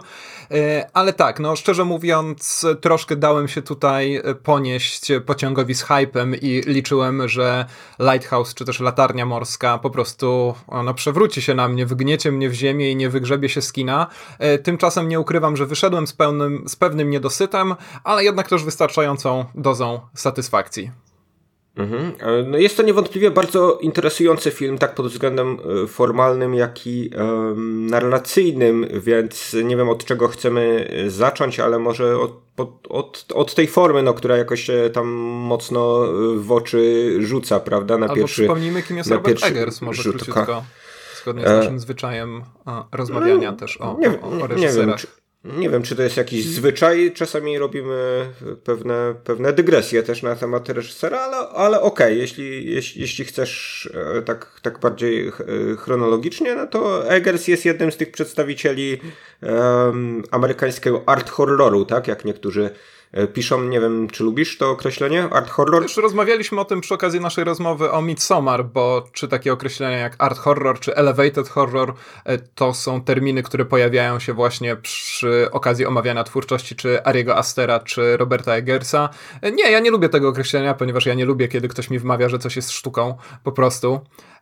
Ale rzeczywiście jest to o tyle interesujące, że no rzeczywiście krytycy badacze jeszcze nie zaczęli wyróżniać jakieś tam zjawisko wśród horrorów, gdzie faktycznie ten autorski sznyt jest e, bardzo wyraźny. No i tu mamy o tyle podobną sytuację, co w przypadku Ariego Astera, że mamy pierwszy film, w przypadku Eggersa to oczywiście Czarownica, czyli film w, w Witch, bo nie wiem, czy pamiętasz, że zamiast W tam były dwa V w, w tytule tego filmu, w każdym razie na karcie tytułowej. No i film rzeczywiście, za który Eggers dostał nagrodę w Sundance, nagrodę za reżyserię, no i który zrobił tak bardzo, bardzo, bardzo dużo szumu, że no dlatego właśnie ludzie e, z, takim, z taką niecierpliwością czekali na, na latarnię.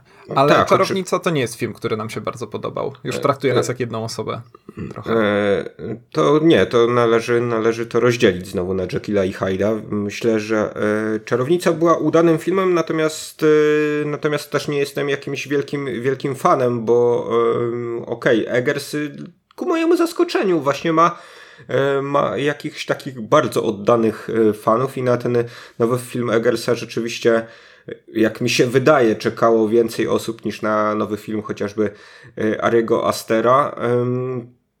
No a e, czy chcemy go wpisywać właśnie w tę całą, e, cał, całą grupę, którą no poza Ari Masterem no, tworzą też tacy twórcy jak Jordan Peele chociażby, czy Os Perkins, czy nie, no to jednak Eggers, e, no wydaje mi się najbardziej jednak nie mainstreamowy, w sensie robienia tych swoich opowieści grozy na takiej, na takiej bardzo mocnej kontrze w stosunku do e, współczesnego mainstreamowego horroru, no nie wiem, sygnowanego chyba najmocniej nazwiskiem Jamesa Wana, tak? Który, który no stał się już jakimś takim tuzem gatunku E, po serii sukcesów e, no, takich filmów jak Obecność, tak i jej kontynuacje Naznaczony Annabelle i tak dalej.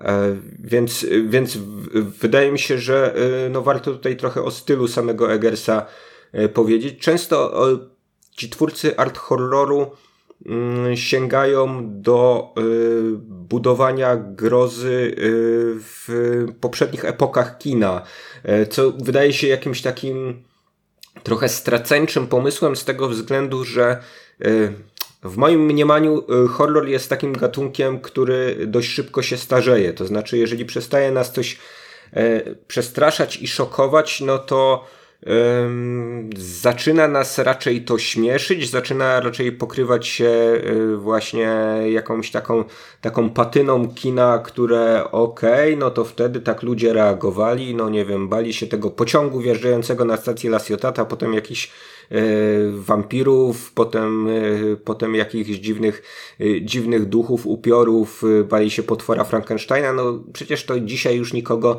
nikogo nie straszy. To... Pociągi ciągle hmm. bywają przerażające i nie No oczywiście, oczywiście z tych... Stefana Grabińskiego, ale też doświadczeniach z PKP, prawda? Więc... No z tych wszystkich monstrów filmowych to tak, to one jako najbliższe naszej rzeczywistości być może, być może rzeczywiście jakimś taką traumą się odcisnęły na życiu nas wszystkich. E, natomiast Eggers konsekwentnie e, wybiega w przeszłość i to taką, taką daleką przeszłość, dlatego że okej, okay, Ari Aster też na przykład kręcąc Midsommar zauważaliśmy to, że to są jakieś odwołania do e, filmu Kult chociażby, tak, z lat 70. Osperkins Osperkins, syn Antonego, bardzo ciekawy twórca. Nie wiem, nie rozmawialiśmy chyba dłużej o żadnym, żadnym z jego filmów też sięga gdzieś do tych takich no, protoplastów w zasadzie e, slasherów z lat, e, z lat 70. Ja bym to tak widział, ale to takich protoplastów jak, e, jak Czarne Święta na przykład, w których to no, kwestia budowania atmosfery jest ważniejsza niż, niż latanie z siekierą i eksterminowanie kolejnych, kolejnych ofiar. Skądinąd bardzo polecam oba filmy Oza e, Perkinsa, e, no chyba tak najmniej znanego z tych, z tych wszystkich, wszystkich współczesnych twórców mm, art horroru. Natomiast Eggers jest bardzo konceptualny w tym, co robi. To znaczy na tyle, na ile możemy to stwierdzić po tych, po tych dwóch filmach, które zrealizował. W tym filmie ja nie do końca czułem czu, czułem e, grozy, nie, nie do końca czułem, e, że to jest, e, to jest film, który no, za wszelką cenę chce, chce widza przestraszyć. No jest to, jest, jest to film, który, który, który właśnie łatwiej mi analizować pod, pod, pod, pod względem pewnych użytych motywów, tematów i i tego, jak one działają w obrębie tego dzieła, niż, niż mówić o tym, że, e, że tutaj Eggers robi e, wycieczkę właśnie e, w kierunku dawnego kina grozy, żeby, żeby pokazać jak dawniej się straszyło i jak to działa. To znaczy w przypadku Czarownicy mógłbym, mógłbym powiedzieć coś takiego, bo tam koncepcją Eggersa było budowanie tego klimatu grozy i w jakiś sposób y, no, takiego narastającego terroru poprzez te właśnie długie ujęcia, długie podprowadzanie e, tego, co strasznego ma się, ma się przydarzyć. Nawet jeżeli to ostatecznie nie było spełnione w postaci jakiejś takiej, e, takiej wyrazistej, e, mocnej, mocnej puenty dla tego budowania atmosfery, no to ja szanuję właśnie czarownicę za, za to, że on, on łączy tę taką klasyczną grozę rodem gdzieś właśnie z baśni braci Grimm, co też jest e, no chyba jakimś takim dobrym tropem, no bo on nawet, mm, nawet taką etiudę kiedyś o Jasiu i Małgosi e, zrobił, jakieś fragmenty gdzieś można znaleźć, e, znaleźć na YouTubie. Mm, no więc, więc tam, ta, ta, tam był ten Eggers taki, taki baśniowy Eggers, który no, szukał właśnie w tych starych technikach E, powolnych budowania e, klimatu grozy. Natomiast w przypadku Lighthouse to dla mnie e, dla mnie zaskakujące. Mm, no mamy więcej takich fajerwerków formalnych, mamy więcej jakichś takich, takich, takich, takich rzeczy z różnych porządków, które no właśnie nie zawsze mi grały podczas, podczas seansu, mm, no ale może, może warto je jakoś właśnie poukładać na nowo. Stąd też, stąd też ten drugi seans, o który, Mm, o który jakoś tam, no na który jakoś, jakoś tam sam, e, sam czekam. Koncept był taki, żeby, żeby w ogóle on zrobił, że w ogóle chciałem zrobić remake Nosferatu, e, Symfonii Grozy, co, co jest już dla mnie czymś, czymś, czymś rzeczywiście dziwnym. Nie wiem, jak ty wspominasz swój seans tego klasycznego filmu Friedricha Wilhelma Murnała. Masz jakieś dobre wspomnienia z oglądania Nosferatu i uważasz, ja że coś... Ja mam jedno wspomnienie związane z... To znaczy mam oczywiście dużo wspomnień, bo widziałem ten film nie raz, ale jedno takie najbardziej żywe, niestety dla mojego zdrowia psychicznego żywe. To znaczy mam do dzisiaj gdzieś na półce książeczkę, którą kupili mi rodzice, kiedy byłem mały, a tak naprawdę no myślę, że dali się zwieść temu, że ta książka miała w zabawny sposób przybliżać różne straszydła z popkultury, no i w ten sposób przygotować mnie E, do roli kulturoznawcy. No i tam jest zdjęcie Maxa Schrecka z Nosferatu. E, dosłownie, po prostu jest to kadr z filmu, na którym on wygląda oczywiście głęboko przerażająco i kiedy ogląda się to w wieku 7 lat, to później e, rzeczywiście może się on śnić przez może nawet kolejnych 25 lat. Nie wiadomo, nie będę o tym opowiadał, ale w każdym razie takie miałem pierwsze wspomnienie z Nosferatu.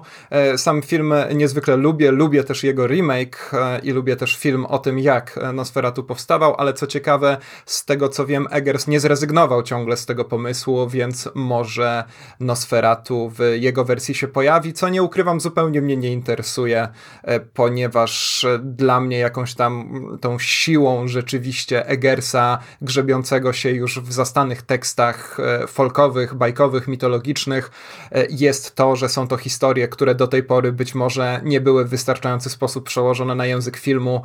No to jest dla mnie największy największa zaleta czarownicy rzeczywiście, że po prostu oglądamy coś, co jest podpisane jako bajka z Nowej Anglii. Nawet jeżeli Eggers robi tam bardzo dużo ustępstw na rzecz pełnych, pewnych e, europejskich wyobrażeń, a nie, a, nie, a nie kolonijnych wyobrażeń o czarownicach, e, to jednak bardzo lubię też ten film właśnie pod takim kątem antropologicznym. Kątem antropologicznym. Nie wiem, czy e, kolejna wersja Nosferatu będzie mnie interesować, ale jak zrobi, to obejrzę. Tak, no bo to do, dopowiedzmy kilka kwestii, to znaczy czarownica gdzieś y, stara się y, wejść w ten świat y, wierzeń czy głębokiej religijności. Purytan, prawda? cofa się kilka, kilka wieków w historii Stanów Zjednoczonych, no i, i, i mamy, mamy tę rodzinę osadników, trochę czasu z nią spędzamy, więc e, zaletą tego filmu wydaje mi się e, próba, czy udana, czy nie, no to jest dyskusyjne, odzwierciedlenia tego, jaki system wartości w ogóle E, tamci ludzie prezentowali. I to jest, e, to jest taka rzecz, o której no, twórcy takiego gatunku jak horror no, często, e, często zapominają, często zostawiając sobie tylko jakiś taki właśnie sztafasz, prawda, tego, że coś efektownie wygląda scenograficznie, albo, albo mamy, albo kręcimy kostiumowy horror, ale no, nie zważamy na to, czy no, czy zachowania tych postaci są jakoś tam e, logicznie uprawomocnione w kontekście e, środowiska, jakie reprezentują, tylko raczej właśnie wszystko sobie tak aktualizujemy pod kątem no, zachowań typowych postaci, postaci z horrorów. Tak, Tutaj tak. Tu, tu w przypadku no czarownicy... Tylko, mhm. No, no to skończ, skończ. Bo nie, nie, nie, proszę, proszę. No. Chciałem tylko powiedzieć, że dla mnie ogromną wartością czarownicy jest właśnie również to, że e, w, wydaje mi się, realistyczny, a na pewno przekonujący sposób został oddany światopogląd tych postaci, dla których e, fakt, że diabeł żyje w kozie jest takim zagrożeniem jak nieudane plony na przykład, czyli jest to coś, co całkowicie może się wydarzyć, e, funkcjonuje to jakby na naszym planie rzeczywistości i traktujemy to jako coś oczywistego. I to jest tak. w Czarownicy naprawdę fascynujące po prostu. Tak, nawet jeżeli to właśnie oglądając ten film może w jakiś sposób y, być dla nas trochę zabawne, no bo byłem na takim seansie kinowym, y, jednym z nielicznych kinowych seansów y, Czarownicy. Na Taka właśnie... była? Tak, no, no oczy... Oczy... Oczy... oczywiście, natomiast Tutaj była trochę beka z mewy, więc te zwierzątka u Eggersa e, niestety muszą się liczyć z taką czasem radykalnie nieprzyjemną reakcją publiczności. Mam nadzieję, że przygotowuje te zwierzątka do, do czegoś takiego, do radzenia sobie ze sławą. Bo no właśnie, u niego jest bardzo dużo. No właśnie, bo w Lighthouse jest y, podobnie nie tylko jeśli chodzi o ten udział y, zwierząt, natomiast y, zresztą tresowanych, a nie cyfrowych, to jest, to, to, to jest godne podkreślenia. E, natomiast znowu ta kwestia takiego właśnie specyficznego, izolowanego środowiska i ludzi, którzy którzy myślą trochę innymi kategoriami, a też mówią inaczej. E, no w przypadku Lighthouse zaznacza się bardzo mocno, więc ja bardzo szanuję e, Eggersa za tworzenie tego świata, to znaczy myślenie o, o, o, o świecie filmu y, w kategoriach szerszych niż tylko właśnie danej opowieści i, i danych środków, które mają pozwolić no, tej opowieści w jakiś sposób oddziaływać na, na e, emocje widza. Tutaj, e, tutaj nie wiem, na, znaczy nie śledziłem Eggersa w bibliotekach, ale on się przyznaje w wywiadach, że, że jest takim maniakiem researchu wręcz, tak, że on, tak, że on tak. bardzo... On dużo życia spędził właśnie w bibliotekach, zresztą całą rodzinę do tego angażuje. Swoją drogą Lighthouse e, powstało przy współpracy z jego bratem i tak, rzeczywiście, zresztą tak, nie wiem, czy zwróciłeś uwagę, że na końcu obu filmów mamy przypisy po prostu dla ludzi zainteresowanych. Mhm na końcu Czarownicy, o ile dobrze pamiętam, czytamy, że fragmenty dialogu są zaczerpnięte z tych opowieści, a na końcu Lighthouse e, ma, są już konkretne nazwiska. Melvilla, Coleridge'a i innych twórców, których kojarzymy z tym, jak mówią marynarze na przykład. Tak, no i chociażby jeśli chodzi o, te, o, o, o to lingwistyczne podejście do y, tego, jak się zachowują postacie Lighthouse, y, no to, to, to też jest kwestia, która bardzo mocno Eggersa y, absorbowała. On właśnie badał różnego rodzaju etnograficzne opracowania dotyczące tej kwestii, bo oczywiście przez popkulturę też mamy w jakiś sposób przetworzony tak zwany marynarski slang, prawda? E, kojarzymy pewne, e, pewne kole, konkretne zwroty z danymi postaciami. Natomiast wydaje mi się, że no w kwestii przygotowań Egersa to idzie dużo dalej.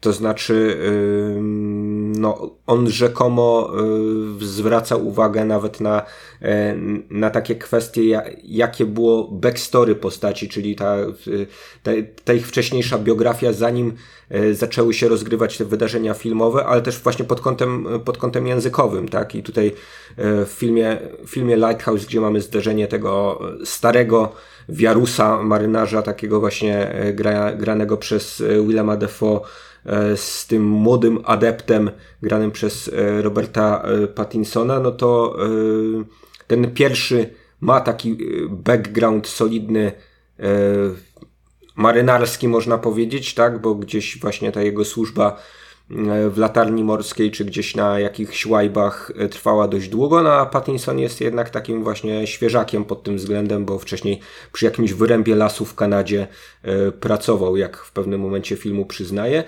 ale w związku z tym też y, y, ich język się y, różni, to jakimi zwrotami, jakimi frazami się posługują, no jest tu, jest tu dość mocno rozgraniczone i no i to jest, to jest też właśnie bardzo, bardzo ciekawe jako, jako element no, analizy tego, jak Eggers tę swoją opowieść układa. Mm, no ale też o stronie wizualnej chyba coś, coś warto powiedzieć, prawda?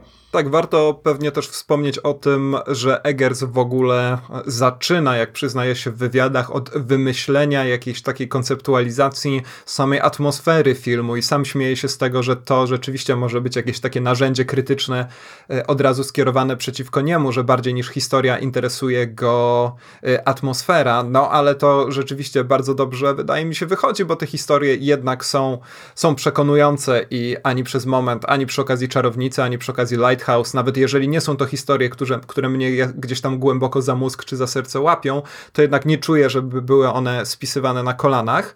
E, iluś tam kolanach, nie wiem, ale w każdym razie, no rzeczywiście, jeżeli chodzi o te kwestie techniczne, to to jest sprawa bardzo interesująca, e, ponieważ e, ten film funkcjonuje w takim niemal kwadratowym formacie i to jest bardzo ciekawy format, ja o nim troszkę poczytałem, pewnie się pomylę, ale nie będę starał się iść w jakieś wielkie zawiłości techniczne, bo to jest format 1.19.1, e, format z 26 roku, który w ogóle funkcjonował bardzo krótko, więc mamy tutaj do czynienia nie z jakimś takim e, prostym cofnięciem się do tego, co w kinie kiedyś było popularne, tylko znalezienia jakiegoś formatu, który w ogóle funkcjonował chyba w Hollywood tylko przez jakieś 5 lat e, i bardzo szybko stracił popularność na rzecz tak zwanego formatu Akademii.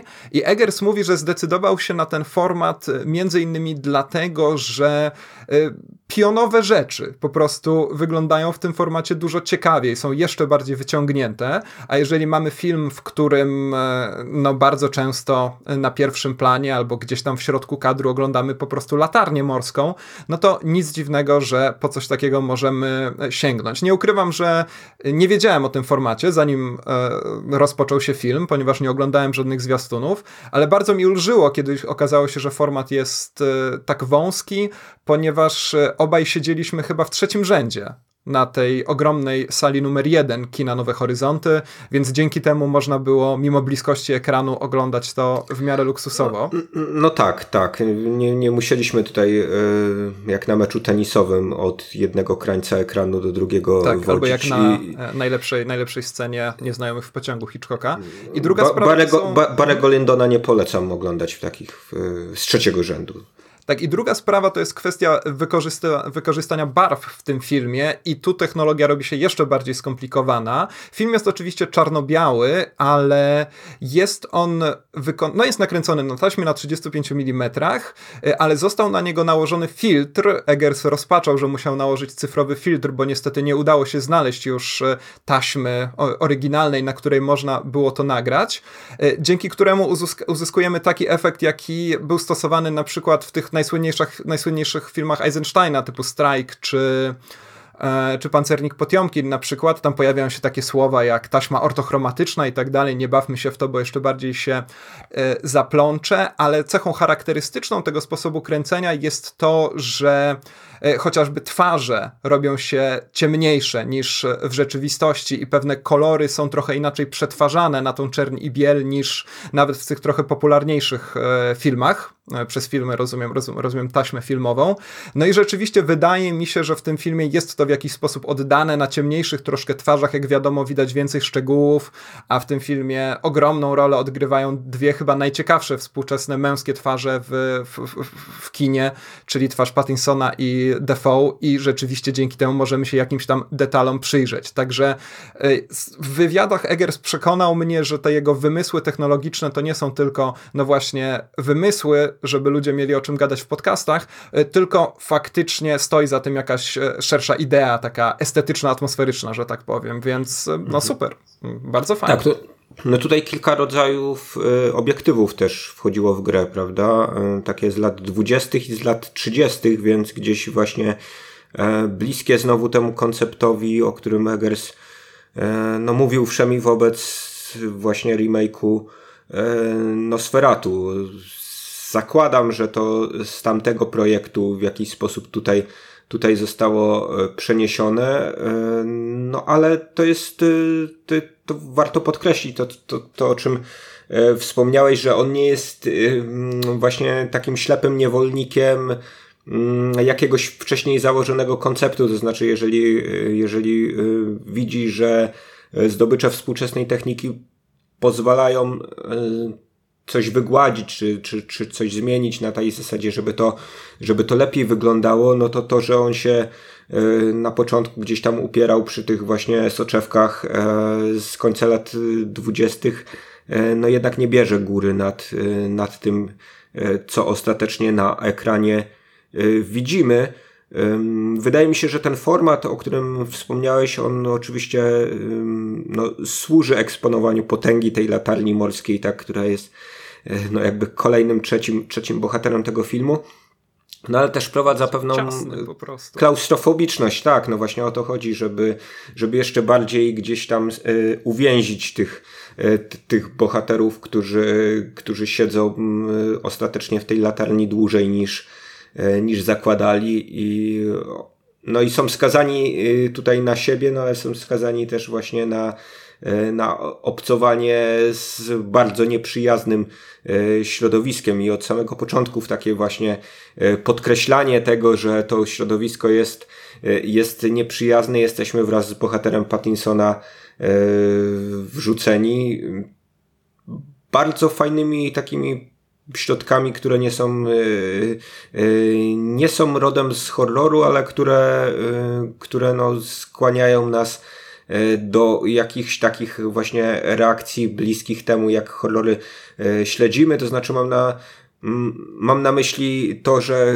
właśnie ek eksponowanie tego, że gdzieś, gdzieś właśnie ten świeżo przybyły do, e, do latarni e, bohater no musi, e, musi w tym, w tym brudzie, ciężkim znoju, wśród, wśród, wśród jakichś bardzo nieprzyjaznych także zapachów, tak? Oczywiście tego nie, nie czujemy z ekranu, ale, ale jest to na tyle, na, na, na tyle intensywnie, tak, jest to, jest, jest to nam podawane na tyle, na tyle jakoś mocno, że, yy, no, że, że, że działa. To znaczy na mnie to działało. No nie wiem na, na, na, ile, na ile ty wszedłeś, yy, wszedłeś w skórę, w skórę Roberta Pattinsona, bo potem, potem trochę tak z tego, z tego zostałem, zostałem jakby trochę, trochę wyrzucany, ale na początku to mamy no, taki, te, taki zabieg, który no, chyba jest jednak dosyć, dosyć klasycznym dla reguł opowiadania e, hollywoodzkiego z jednej strony, to znaczy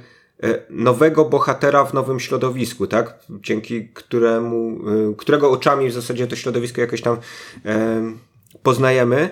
Mm, no, ale ta y, zdolność Eggersa do, do, do skupienia się właśnie na takich, e, na takich szczegółach, bardzo też często, często nieprzyjemnych dla, dla głównego bohatera, jakby od początku, od początku ustanawiała nam e, ten, ten, ten temat, że mm, no ktoś, komu mogło się marzyć życie w jakiejś takiej odosobnionej, odosobnionej latarni morskiej, no chyba takie, takie marzenia jest jest skłonny po obejrzeniu e, tego filmu dość, dość szybko porzucić, bo to nie tylko y, gdzieś tam wpatrywanie się z, e, z czubatej latarni e, w siną morską dal, ale też kwestia czyszczenia zbiornika na wodę, czy użerania się zmywami, czy nie wiem, jedzenia jakiegoś okropnego żarcia, które, e, które, które gdzieś tam jest e, przechowywane miesiącami w jakichś mało sterylnych, sterylnych warunkach, więc... E, tak, a w pod... końcu nawet picia nafty, kiedy już nie ma żadnego innego alkoholu. No więc znowu pod względem jakimś takim antropologicznym to jest, to jest bardzo ciekawa wycieczka w przeszłość. Tak, to zanim może rzeczywiście przejdziemy już do przejrzenia się temu, kim są te postaci, bo oczywiście o, o, każdym z nich e, dowiadujemy się e, zaskakujących rzeczy, które trochę inaczej ich ustawiają i przejdziemy do tego, jak latarnia się kończy, bo kończy się w taki bardzo efektowny i głośny sposób, e, to może ja chciałbym tak krótko przypomnieć, jak rozmawialiśmy sobie o Midsommar, to ty wspominałeś właśnie w żartach, że jest taki słynny argument przeciwko horrorowi, a w ogóle się nie bałem.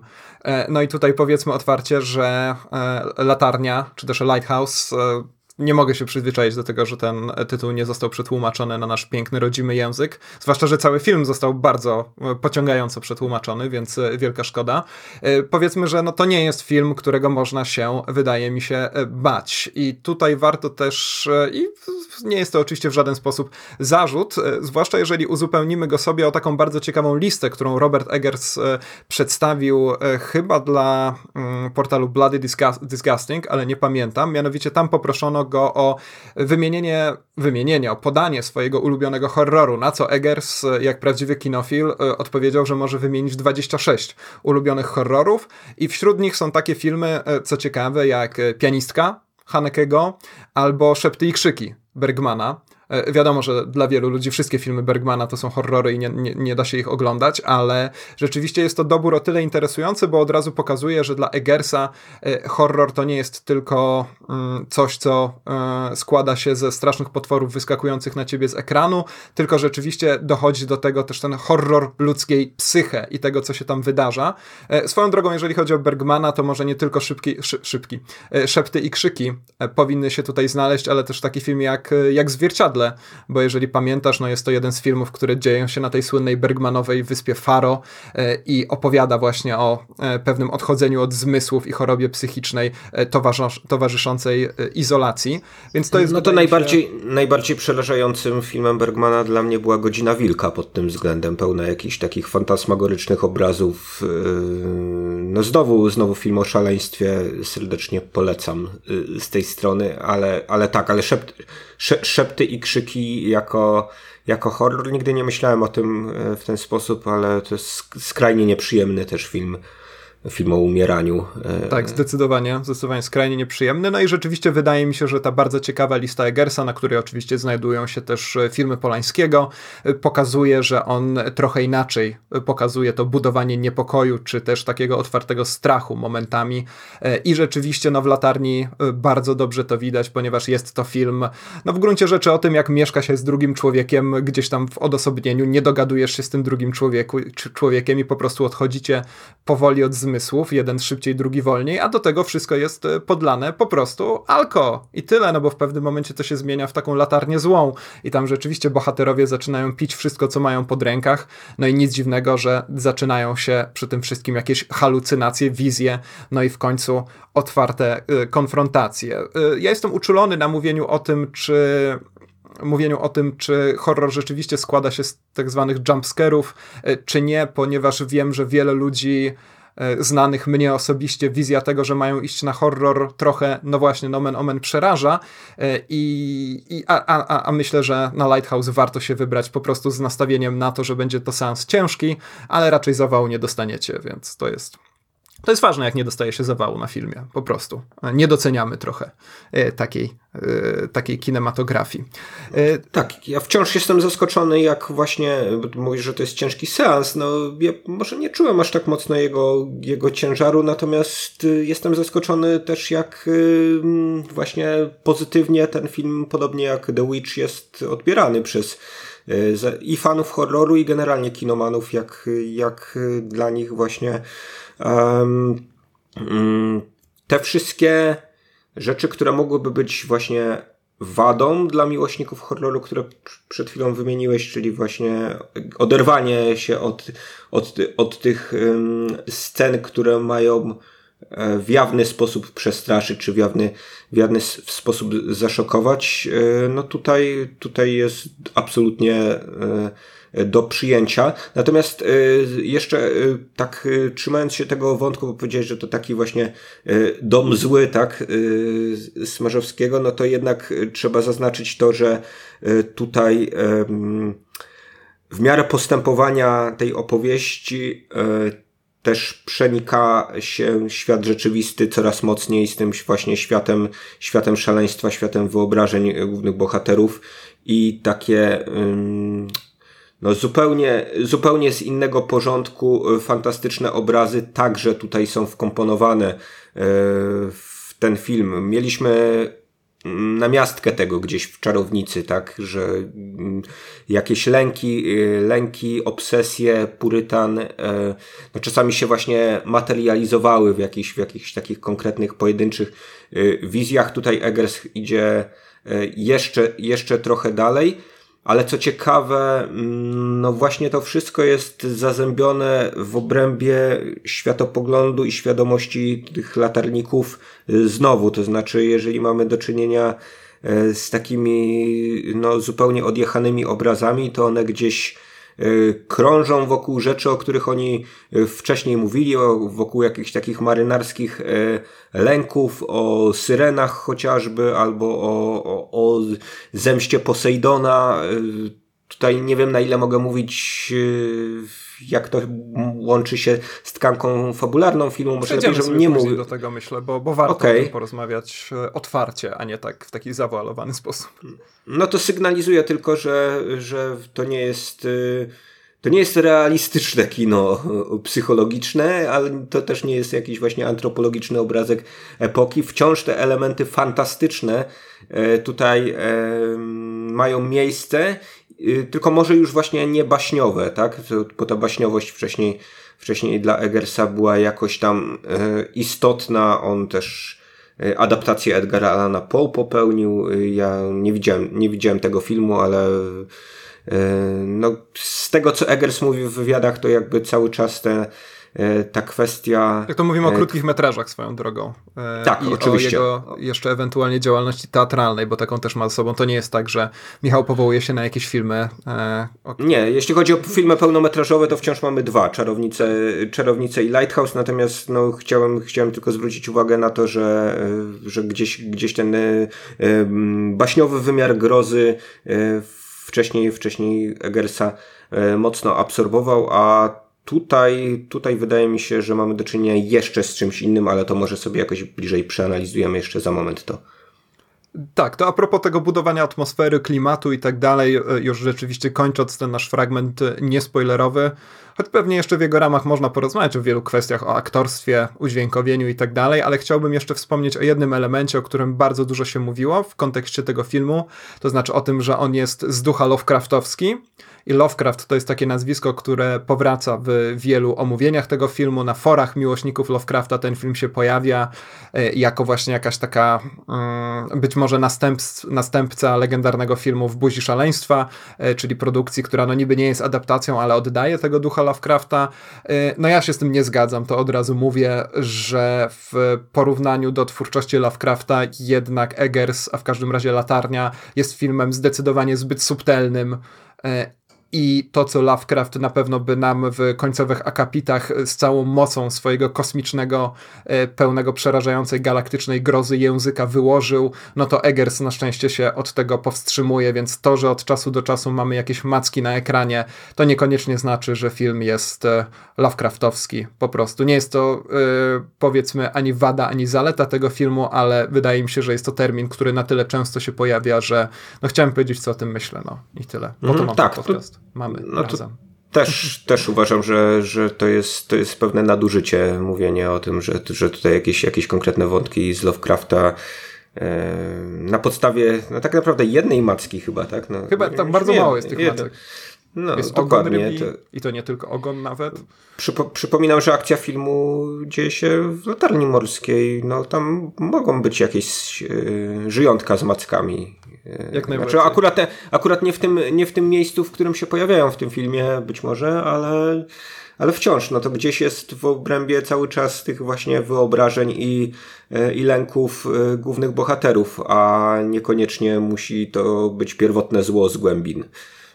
E, tak, e, to ponieważ e, wielu z Was pewnie wyłączy, ci z Was, którzy w każdym razie jeszcze nie widzieli Lighthouse, wyłączy zaraz po Michałowym spoiler alercie ten podcast, to tylko powiem, że pewnie warto jeszcze poszukać innych filmów o latarni morskiej. Dowiedziałem się, że istnieje taki film, który nazywa się po prostu Latarnicy, po angielsku Lighthouse Keepers, choć film jest francuski. Jest to film, który wyreżyserował Jean Gremillon z 29 roku. Jest to film niemy, czarno-biały, opowiadający o ojcu i synu w latarni morskiej.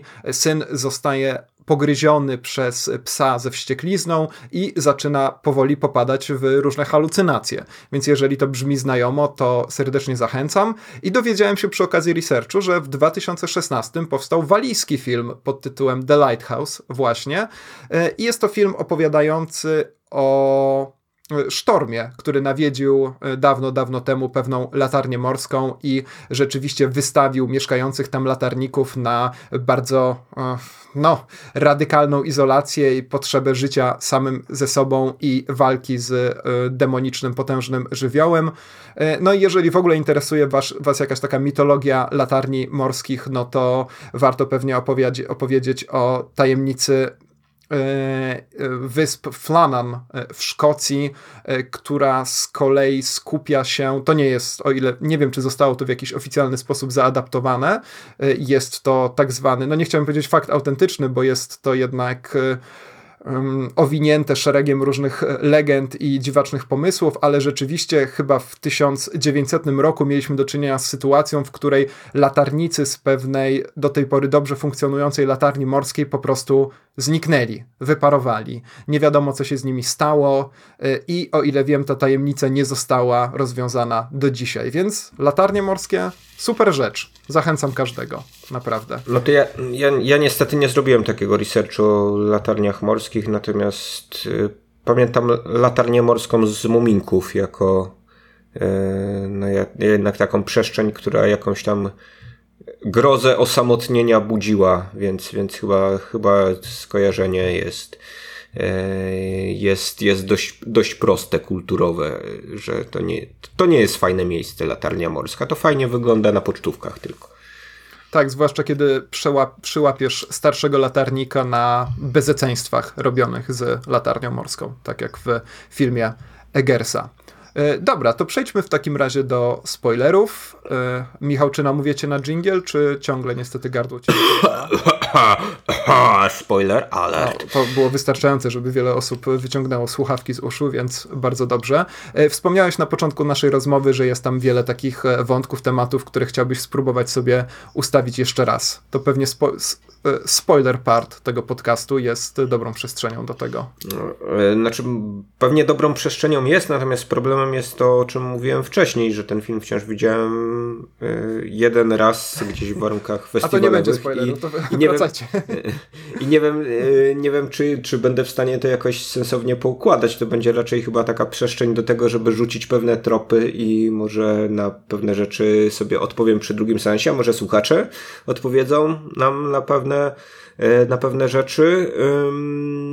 To znaczy, trochę, trochę mnie irytowała kwestia balansu pomiędzy, e, pomiędzy tym, co jest, rzeczywiście jest e, no, tym domem złym, tak, tak jak wspomniałeś, czy tą latarnią złą, a, mm, a pokazywaniem w tym filmie e, tej e, sfery właśnie fantastycznych wyobrażeń e, latarników. Mianowicie Eggers, Eggers czasami w obrębie jednej, jednej sceny gdzieś, gdzieś pomiędzy dwoma porządkami się obraca i ja miałem poczucie no jakiejś takiej właśnie E, totalnej konfuzji. Być może na tym mu zależało, tak, żeby, no, żebym czuł się trochę jak ten właśnie pijany latarnik, tak, który, któremu e, coś tam się wizualizuje, e, za chwilę za chwilę rozpacza, a po chwili jest wściekły. To znaczy, zwykle najpierw jest wściekły, a potem rozpacza, tak? No bo to jest jakaś taka, taka kole, kolejność, tak, tego, jak, jak, jak picie przebiega, tak? I, i, i, i skutki Y, skutki jego. Natomiast no nie bardzo mogę sobie właśnie poukładać ten film pod kątem no jakiejś takiej spójnej, spójnej opowieści o relacjach pomiędzy tymi dwoma bohaterami, bo okej, okay, to jest taka, taka relacja o, oparta o konieczność bycia razem, w związku z czym no wiadomo, że E, no, że bohater, bohater Pattinsona może w końcu powiem jak on się nazywał, może mi się uda. On ma tyle e, imion, I, na pewno pierwsze to Efraim. On dzwoni, dzwonił do ciebie. Tak, właśnie, właśnie mam tysiąc, tysiąc rozpraszaczy, czuję się trochę jak na sensie teraz y, właśnie filmu Lighthouse, bo z jednej strony słyszałem gdzieś w tle y, u ciebie, że jakaś karetka przejeżdżała na sygnale, prawda? A, a, z, tak, a z, drugiej strony, z, drugiej strony zadzwonił mój telefon i nie wiem, czy sam zaczynam popadać w szaleństwo, czy... Następnym razem nagramy podcast w Czy to jest jakaś... No właśnie, czy to, jest jak, czy, czy to jest jakaś interwencja sił nieczystych, które chcą mnie powstrzymać od ogarnięcia rozumem e, tego, co w tym filmie. I to by było takie Lovecraftowskie, prawda? Że ten film nie da się pojąć umysłem e, ludzkim, bo można... Bo można zwariować, y, więc może, mo, może, może, może tędy drogę. No być może po prostu słabi reżyserzy e, powinni się zajmować kręceniem e, filmów z, e, Lovecraftowskich, bo wtedy zawsze mogliby stwierdzić, że e, no oni są jak ten szalony Arab, autor ne e, Necronomiconu, prawda? I tyle. Po prostu wszystko, wszystko tak, e, tak, miało, tak miało być. E, no, teraz nie wiem, czy jestem w stanie e, jeszcze raz wyłożyć, co, mia co miałem na myśli, natomiast ten film e, na kilku, na kilku porządkach funkcjonuje. To znaczy, można go czytać gdzieś trochę w kluczu psychoanalitycznym, gdzie Thomas Wake, czyli postać Willema Defoe, byłaby takim właśnie srogim ojcem dla, dla bohatera Pattinsona, dla Efraima Winslowa. Z drugiej strony no i, no i tam mamy kilka, kilka tropów, które by na to, na to jakoś tam e, mocno, mocno wskazywały, to znaczy e, no właśnie ten, ten, ten, ten surowy ojciec e, zakazujący no swojemu młodemu adeptowi dostępu do tego, do tego światła, to, to jest jakby ten wątek, wątek, wątek kluczowy, że tak naprawdę Winslow no, nie może osiągnąć spełnienia, bo gdzieś tam jest blisko tej latarni, prawda? No więc Freud by napisał, że nie może tak naprawdę y, przeżyć orgazmu, tak? Bo nie może dotrzeć do tego światła, które gdzieś tam jest na górze, no więc Też on... z syreną o, mu się udaje, więc... No spędza, spędza czas na to, no, to, no wydaje się, że to są jakieś mimo wszystko takie wyobrażeniowe, tak? Y, kwestie, to znaczy tego, tego obcowania z syreną, która które tam następuje, no spędza czas na kompulsywnej masturbacji, tak, na cały czas właśnie jakimś pragnieniu dotarcia do tego, e, do tego e, światła na wieży, więc okej, okay, to mamy jakiś jeden, jeden taki wątek, wątek psychoanalityczny, który można byłoby od razu przekuć też na ten wątek, wątek mitologiczny, no zresztą um, psychoanalitycy się często do tych archetypów odwoływali. No, mamy, tu, mamy tu z kolei e, sceny, które no, wskazują na e, nawiązanie do mitu prometejskiego, prawda? To światło nie... Na czele z końcówką, nie... tak. Przypomnijmy, tak. że pod koniec Efraim wreszcie zdobywa dostęp do tego upragnionego światła e, i po bardzo efektownej scenie ze świetnym dźwiękiem spada ze schodów, prawda? I po chwili jego ciało, chociaż on jeszcze tam chyba nawet żyje, chyba jeszcze dycha, ale zaczyna być rozdziobywane przez mewy, więc to nawiązanie do Prometeusza, któremu ten okrutny orzeł wyżerał wątrobę bodajże, jest rzeczywiście takim moim w każdym razie e, pierwszym skojarzeniem wtedy. No mamy tu, mamy tu przynajmniej dwa takie kadry, takie statyczne kadry, które są mm, na zasadzie takiego tableau powiedzmy e, zrobione. No, ten, który przytoczyłeś na sam koniec rzeczywiście, gdzie tam rozdziobują Winslowa, nie kruki wrony, ale różne, różne morskie ptaszyska i on rzeczywiście jest upozowany też w taki E, w taki sposób jak charakterystyczny dla dla takiego malarstwa e, neoklasycznego, prawda, na taką, na taką, na taką postać, e, postać mitologiczną. No a drugi, drugi kadr, który zapamiętałem, to ten, w której, który portretuje postać Thomasa Wake'a jako właśnie takiego rozgniewanego Posejdona, tak, który e, który grzmi gniewem już i tutaj właśnie e, zamierza, zamierza ukarać za ten zuchwały e, prometejski czyn Winslowa.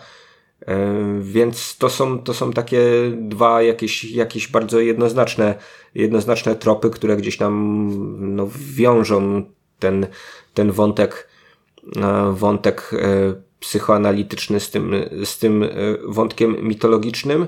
Mm, ja miałem taki niedosyt, że tego właśnie wątku mitologicznego jest mniej niż e, tak naprawdę mm, e, scen pijaństwa, z tych scen takich właśnie bardziej realistycznych, które, które w pewnym momencie już mnie trochę nużyły swoją powtarzalnością. Tak, ja, ja też tym takim właśnie pijackim, pijackim bełkotem, tak, obu, obu panów, y, y, no i takim właśnie ich y, ich rozedrganym zachowaniem, w którym, w którym no w jednej scenie potrafili się wyściskać, potem dać sobie po mordzie, potem znowu się wyściskać, albo padać sobie e, do stóp i prosić o wybaczenie.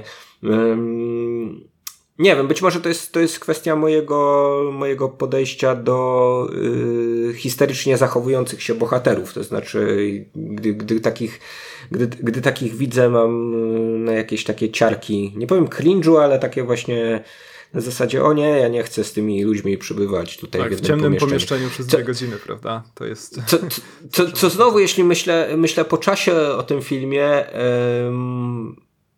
może było czymś zamierzonym i może właśnie w taki stan Eggers planował mnie wpędzić i ja w taki sposób y, y, powinienem na ten, na, na, ten film reagować, ale u mnie to jest często na zasadzie takiej, że no, okej, okay, dobra, nie chcę, nie chcę już być z tym bohaterem, więc nie chcę już być z tym filmem. Um, tak, no ja to y, całkowicie rozumiem, podzielam też ten problem. Zresztą w ogóle, jeżeli chodzi o pewien balans, to mam wrażenie, że ten film nie zawsze sobie radził tam no bardzo dużą rolę w latarni odgrywa humor, e, który bardzo często zupełnie dosłownie jest humorem fekalnym i muszę przyznać, że w większości przypadków to zdecydowanie działa, tak jak wspomniałeś w tej naszej poprzedniej części rozmowy, no faktycznie e, no czuć ten smród latarni po prostu, no jest tam wyjątkowo nieprzyjemnie i tak ma być, ma być nieprzyjemnie, ale pamiętam jak bardzo nie spodobała mi się scena, w której Willem Dafoe dostarcza takiego bardzo efektownego marynarskiego monologu, to jeszcze jest chyba przed tą sceną, jak zmienia się właśnie w jakieś morskie stworzenie. Jakie to może być morskie stworzenie, to o tym za chwilę, y, ale mm, jest to naprawdę fantastyczna scena i fantastyczny popis, y, a zostaje to podcięte takim żartem rodem z filmu Marvela, który bardzo lubi podcinać patos danych scen. I tam postać grana przez Pattisona, czyli ten Ephraim konkluduje te, długo, te długie przemówienie Defoe stwierdzeniem typu a spoko, albo jakakolwiek, e, jakikolwiek odpowiednik XVIII-wieczny e, a spoko jest. E, I pamiętam, że to był ten moment, kiedy już ten humor zaczął mnie bardziej irytować, niż rzeczywiście budować całą mm, atmosferę tej złowrogiej latarni morskiej. Jeżeli chodzi o mm, interpretację tego filmu, to ja pewnie rzeczywiście posiłkując się tymi wszystkimi mitologicznymi archetypami, również szedłbym w stronę poszukiwania jakiegoś oświecenia i potrzeby odkupienia jednocześnie, bo pamiętajmy, że w pewnym momencie dowiadujemy się, że Efraim rzeczywiście ma na sumieniu coś, co on określa mianem wypadku, ale wydaje mi się, że nie ma żadnych wątpliwości, ażebyśmy my jako widzowie czytali to jako morderstwo po prostu, którego dokonał jeszcze podczas tej ścinki w Kanadzie. No i rzeczywiście usiłuje być może teraz w tej latarni jakieś odkupienie, tożsame w tym przypadku zupełnie dosłownie z oświeceniem, odnaleźć. No w rezultacie, ponieważ morduje e, e, Tomasa Wake'a, no to zostaje przez latarnię pokarany i E, kończy w rezultacie tak jak ten Prometeusz, który co prawda nie dla siebie, ale również e, szukał tego zbawienia i, i, i, kończy rzeczywiście w taki analogiczny, nawet pod kątem mm, czystego upozowania sposób. E, no i w tym przypadku być może jakbyśmy grzebali się w postaci Thomasa Wake'a, to może warto by było iść e, nie tyle w Poseidona, co w jego synka bodajże, o ile dobrze pamiętam z Paradowskiego, czyli w Proteusza, którego głównym zadaniem jest właśnie stanie na straży tajemnic i jak wiadomo, trzeba go było dopaść, złapać, trzymać za nogę czy za płetwę, i według mitologii on w końcu da nam upragnioną odpowiedź. No tutaj nasz bohater grany przez Pattinsona idzie nawet o krok za daleko i w rezultacie ta jak możemy się domyślać, oczywiście ta odpowiedź nie jest e, w żaden sposób e, satysfakcjonująca. Swoją drogą, wydaje mi się, że Proteusz e, miał rezydować gdzieś w pobliżu wyspy Faros, co nas bardzo prosto prowadzi do wyspy Faro i z powrotem do Bergmana. A? Bach. No to, to, jest, to, to już daleko zabrnąłeś. tak, to, to jest zawsze te dwa zdania za dużo. E, w, w interpretacjach. Tak, ale, ale, Proteusz charakteryzował się z tego co pamiętam zmiennokształtnością. No prawda? podobnie więc, jak więc, Thomas, Thomas Wake w tym filmie. Tak, więc, więc tutaj rzeczywiście to, to, to, to mógłby być też y, dobry y, trop. No jeśli chodzi o, o to odkupienie, to rzeczywiście to byłaby od, opowieść o nieudanym odkupieniu, wracając do tych takich wątków psychoanalitycznych, no to byłaby to opowieść o niemożności powstrzymania pewnych instynktów, pewnych bardzo, bardzo, bardzo pierwotnych instynktów. I to nie chodzi tylko o te właśnie takie e, pragnienia seksualne, chociaż często właśnie no, te popędy no, to są tym podszyte e, w psychoanalizie, mm, no ale też jakby pewnych, pewnych aspiracji społecznych, wydaje się, Wilsona, prawda, bo on tam opowiada o tych swoich swoich y, marzeniach, że chciałby, chciałby się dorobić, gdzieś tam właśnie osiąść, być, y, działać już na własną rękę, nie być podporządkowanym y, nikomu. No i tutaj, tutaj Wake, robiąc mu taką, taką ostrą, ostrą szkołę życia, wydaje się, że stara się go jakoś wyprowadzić z tych, z, z tych pragnień, które w tym takim, no zwłaszcza w tym takim mocno klasistowskim świecie schyłku XIX wieku, no mogły być już właśnie już e, gdzieś tam rozbudzone e, przez wizje różnych, różnych filozofów, przez różne różne, różne pisma wzywające do tego, żeby te szklane sufity burzyć. Natomiast, natomiast dla, dla Wilsona te wszystkie, wszystkie pragnienia, no, nad którymi on zapanować nie potrafi, no, prowadzą go do, po pierwsze do szaleństwa, po drugie do morderstwa, no i w końcu, w, w końcu do śmierci, więc taka smutna konstatacja. E, tak, nad no. losami tego człowieka, który, e, który jakoś tam zmienić swoje życie chciał. Tak, e, ciekawy jest wydaje mi się w ogóle ten proteuszowy wątek Thomasa Wake'a jeszcze, bo jak się nad tym teraz zastanawiam i przywołuję z pamięci poszczególne sceny tego filmu, to e, on wydaje mi się mm, koniec końców jawi nam się jaka taka postać wręcz bezkształtna tak naprawdę, ponieważ on wymyśla różne historie na swój temat, mówi jedno, a w swoich notatkach zapisuje coś innego i tak dalej, więc e, tak jak e, możemy uwierzyć w to, że ta historia Pattisona, którą on na początku ukrywa, no faktycznie się jednak wydarzyła, no to w przypadku historii Thomasa Wake'a chyba niemal jak u e, Nolanowskiego Jokera, którego Defoe oczywiście powinien zagrać w końcu, y, co w rezultacie nie możemy tutaj powiedzieć nic, co byłoby tak zwanym faktem autentycznym, prawda, na, na jego temat, więc to też wydaje mi się niezwykle interesującym tematem relacji tych y, dwóch postaci, jakiegoś za przeproszeniem konstytuowania samego siebie i tak dalej, więc no, no, no, no ciekawe to jest, ciekawe, co tu, co tu dużo mówić. Ciekawe no tak, pyta, Py pytanie, na ile mitologiczna jest Mewa, ta jednooka, która tam się pojawia nam kilkakrotnie. Czy ona byłaby jakimś odzwierciedleniem cyklopa na przykład, twoim zdaniem? Czy to się jakoś łączy w tę, w tę taką opowieść, opowieść spójną? No ja y, y, cyklopa łączę z rzecz jasna z Odyseuszem, tak? I z, i, i z Odyseją. Nie wiem, czy, czy w micie prometejskim Mm, rzeczywiście ci cyklopi pełnili jakąś, jakąś e, funkcję, chociaż z tego co pamiętam, to cyklop, e, cyklop Cyklop był synem Posejdona? Tak, też? Cyklop był synem Posejdona. I to Posejdonowi no, więc... właśnie się skarżył, że oko wydłubał mu niejaki nikt. Wiesz, wydaje mi się, że na pewno ta mewa jest wyraźnym odniesieniem w ramach samej diegezy, za przeproszeniem, filmu, bo jeżeli traktujemy mm. to, co wydarza się w Lighthouse jako no, pewne wydarzenia nadnaturalne, no to mm, możemy być przekonani, że w Mewę wcielił się poprzedni latarnik, którego najprawdopodobniej Thomas Wake zabił i którego głowa zostaje znaleziona przez Efraima i okazuje się, o ile pamiętam, że ma jedno oko, tak samo jak ta tak, nieszczęsna Mewa, która zostaje roztrzaskana.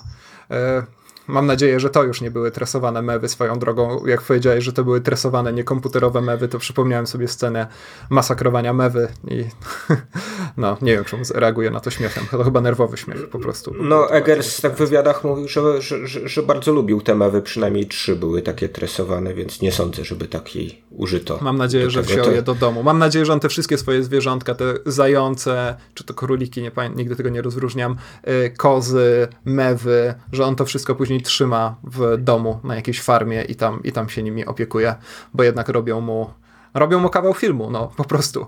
No więc w każdym razie wracając do tej kwestii jednego oka, to na pewno jeżeli poczynimy takie nadnaturalne założenia co do tego świata przedstawionego, to to się e, bardzo ładnie e, wpisuje w jakiś e, cały zamysł. No i tak, wydaje mi się, że jednocześnie mamy tutaj syna Posejdona w postaci Cyklopa, aczkolwiek to bym z przyjemnością jeszcze, jeszcze sprawdził zaraz po naszym nagraniu i może da, da, dodam później jakąś erratę, jak tylko ja mówię. Mhm.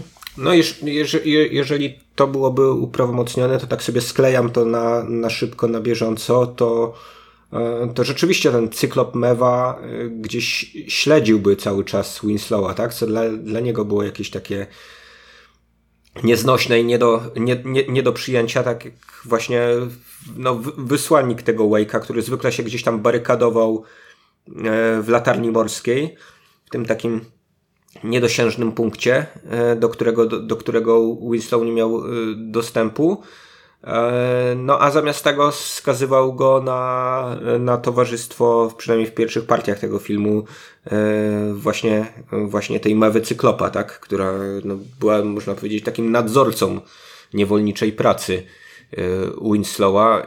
I nie jestem pewien, czy to się zmienia w momencie, kiedy czy relacje pomiędzy Wake'em i Winslowem się zmieniają w jakiś sposób drastyczny zaraz po tym, gdy on, gdy on zabił tę mewę cyklopa? Trzeba by to jakoś prześledzić? Pamiętasz, Pamiętasz, nie, nie, w, który, w którym punkcie filmu to się dzieje? Też by mnie to zainteresowało. Okay. No, na pewno nie jest tak, że wizje Efraima zaczynają się w momencie, kiedy morduje Mewę. One zaczynają się dużo wcześniej. Pamiętam, że na to zwróciłem uwagę, bo myślałem, że ten film będzie ustrukturyzowany w taki bardzo klarowny sposób, że morderstwo Mewy równa się początek halucynacji i e, no, zgodnie z tym, czym miałoby zabić, e, przepraszam, grozić takie zabicie Mewy według e, marynarskiej mitologii, ale nie, no ten film, tam pier pierwsza wizja jeszcze wtedy niewyjaśniona tych kłód, które unoszą się na wodzie, to jest chyba pierwsze 15 minut filmu nawet, więc to jest tylko skomplikowana sprawa. Swoją drogą jest jakaś urocza perwersja w zleceniu obserwowania kogoś mewie, która ma tylko jedno oko, prawda? To by było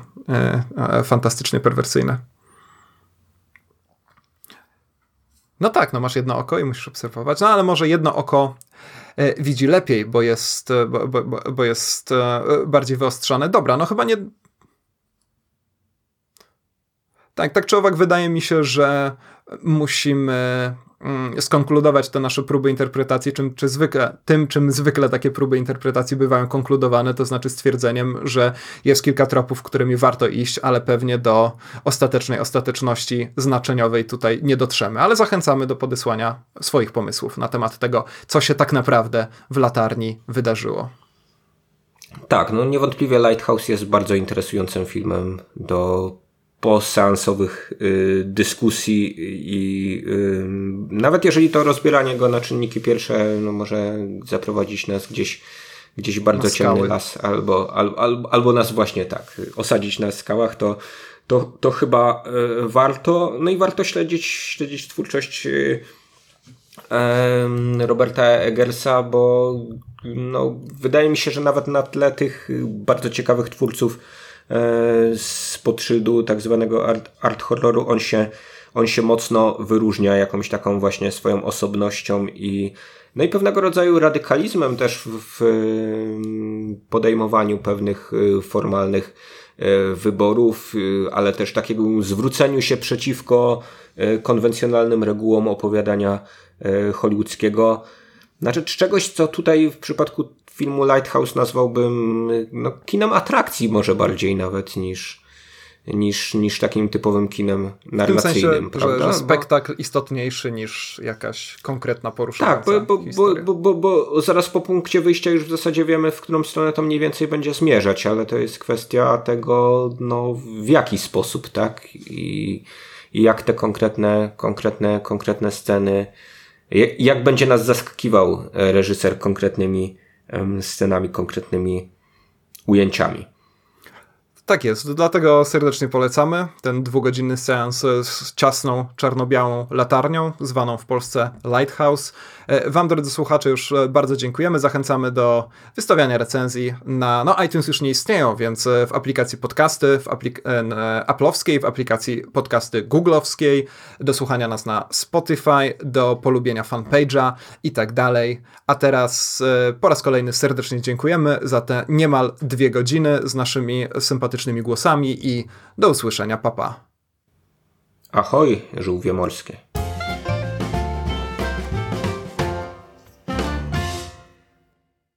Co Bessiego! wezmę telefon, długopis, wszystko co mam pod ręką i cię zakuję zaraz tym. Adios, Tortugas.